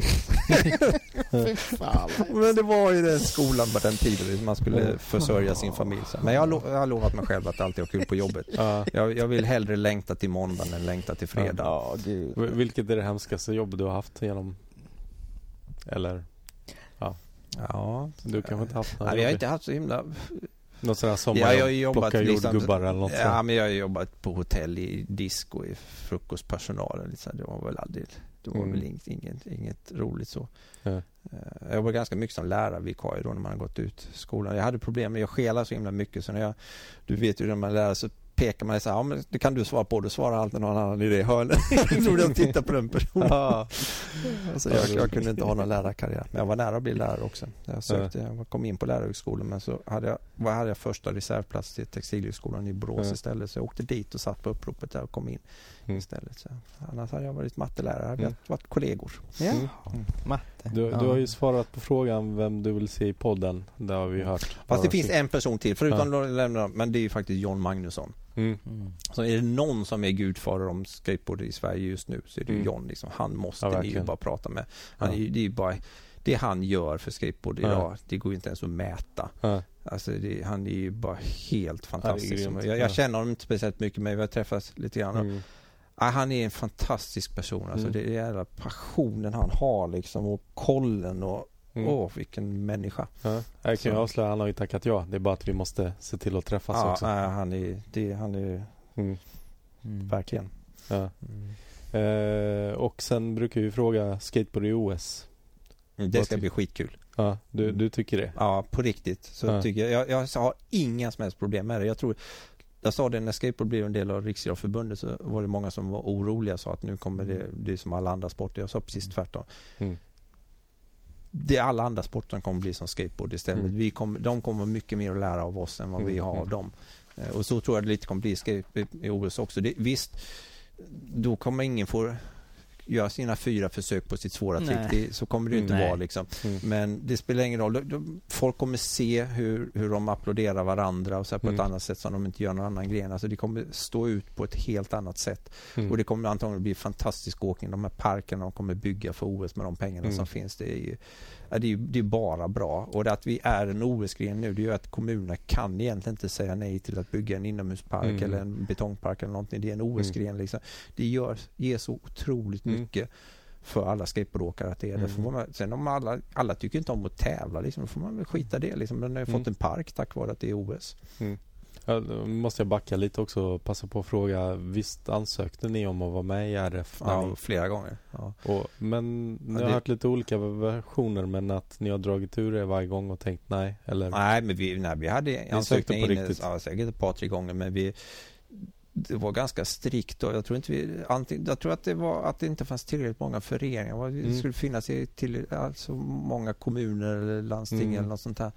Vi föll på lite sådana här siffergrejer liksom. Och Ja. kanske inte var men var det inte kanske lite motstånd mot Jo, skateboard också? Ja, ja, definitivt. Alltså det, de För var nog inte mogna för skateboard då. För det ryktet jag hörde var att ni gav upp där sista gången för att det var någon sån här hundsläde som fick vara med istället för skateboard eller något ja, det var en väldigt konstig idrott som kom in istället.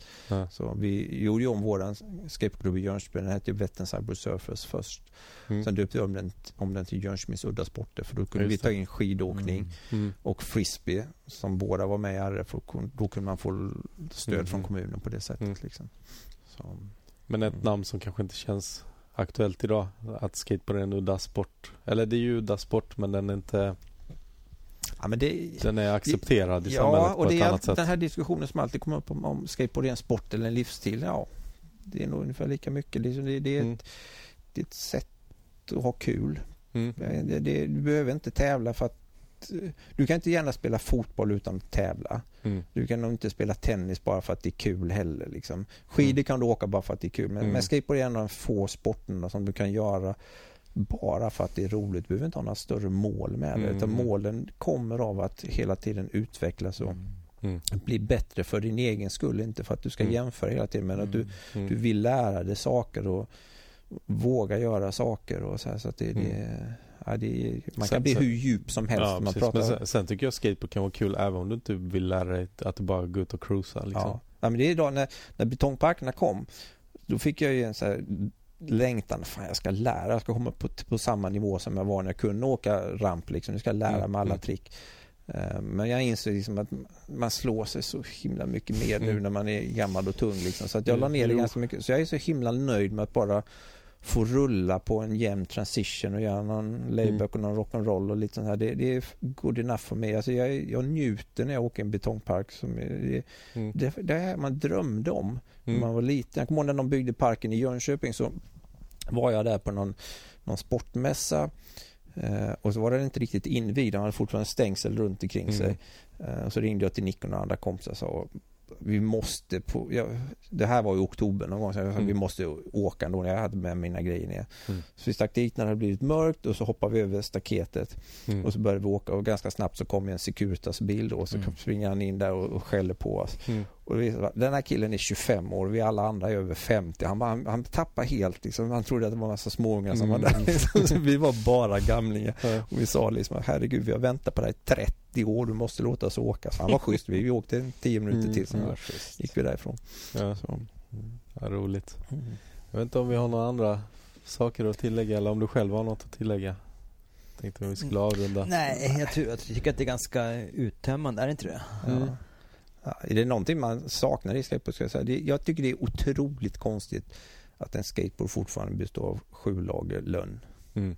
Alltså det är, det är så pinsamt dåligt att det inte finns Mm. bättre. Det finns ju ingen annan sport som fort, du har ju inte träracket i tennis längre Men, men det funkar väl? Nej, jag tror att det beror, det kanske att det, det har att göra med att skateboard är en lite så här thrashing, slit och släng grej. Du vill byta lite. Men, Fast det rent- finns sån här performance tip, eller det heter inte, vad heter det nu? Ja, performance tip. Ja. Ja, Ja. ja, men liksom skulle du göra en, en bräda i kolfiber, Jocke de har, har ju Mm. något projekt så här, men det är klart att det blir bättre. Mm. Alltså det finns ju ingen annan sport som fortfarande håller på med träprylar. På Mm. riktigt liksom. Det är Mm. klart att det, och hjulen idag som Mm. då är i, om man säger syntetmaterial, jämför du dagens hjul med hur de var på 70-talet så är det ju Mm. 100 miljoner gånger bättre. Men brädan är ju samma skit eller på Mm. att säga. Det har inte hänt någonting. Powell som har lite med Och Rodney med sin Uber Light. Ja, Ja. lite så här. Men det, det är ingen revolution Nej. som det skulle kunna vara som har hänt inom skidåkning eller snowboard Mm. eller tennis eller vad du vill liksom. Mm. Men det kanske kan hända snart. Ja det tror jag. Med, med Mm. OS så kommer det göra det. Det kommer Mm. ge en lättare bräda kommer ge en decimeter eller två till liksom. Så. Mm. Och det kommer alla ha glädje av sen. Mm. Så det är väl det konstiga. Sen Mm. tycker jag det är fantastiskt kul. Dels med alla betongpark men också att det är så många fler tjejer som åker nu. Ja, För det, det. fanns ju inte på vår tid överhuvudtaget. Det fanns några stycken men de var inte många. Mm. Så, och det är tråkigt när jag skannar in bilder. Jag har ju nästan inga bilder på, på tjejer Nej. som åkte. Det var Gogo som fanns på Nej. den tiden. Det fanns nästan inga andra liksom. Och det kan ju berätta, Gogos Sprite. Ja, Gogo precis. Sprite och, det, och det kan ju berätta att eh, jag var ju faktiskt med och arrangerade som jag tror är Ja, det var ju Sveriges första skateboardcamp för tjejer. Mm. 98 ska vi Mm. se, tror jag det var i Mm, Halmstad. mm.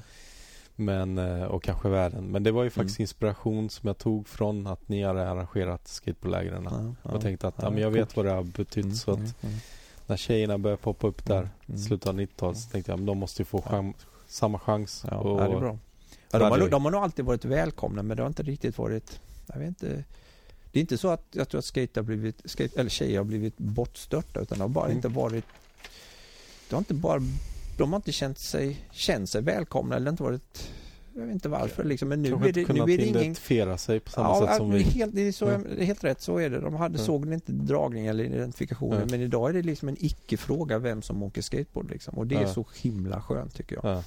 Jag bor ju precis så jag ser alla som går till Mm. parken i Högdalen Mm. och när man sitter där i köket och ser alla tjejer som kommer och inte bara tjejer, äldre liksom inte, Ja. 60, 60 års åldern Ja. som kommer med en bräda Ja, men det armen. är jätteskönt det är det. Och just när jag, när, jag, när jag började på Puma, när man kommer till ett stort företag så får man alltid en manual man ska läsa om vad företagets värderingar och sånt där är. Mm.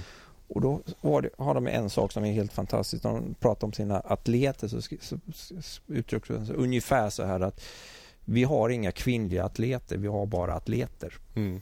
Och deras syn och se på det. Och det är så himla skönt när ett, ett så stort Mm. företag har tagit den ståndpunkten. Liksom, att man, könet är en icke-fråga. Vi ska Mm. bara ha bra personer att jobba med. Mm. Så det tycker jag är skitskönt. Liksom. Mm. Och dit är skateboard på väg nu faktiskt. Mm. Ja, det är bra det är som bra. fan. Ja, det är verkligen Ja. på riktigt bra. Ja. Mm. Eh, ja, och med de orden, om det inte finns mer att säga så skulle jag vilja tacka dig jättemycket för att du kom hit. Det var superkul. Ja, detsamma. verkligen jätteroligt. Mm. Ja, Tusen Tack, tack. så mycket. ja, Tack, tack, tack. Martin. Tack. Och där kommer musiken in. Nej, det blir när jag klipper.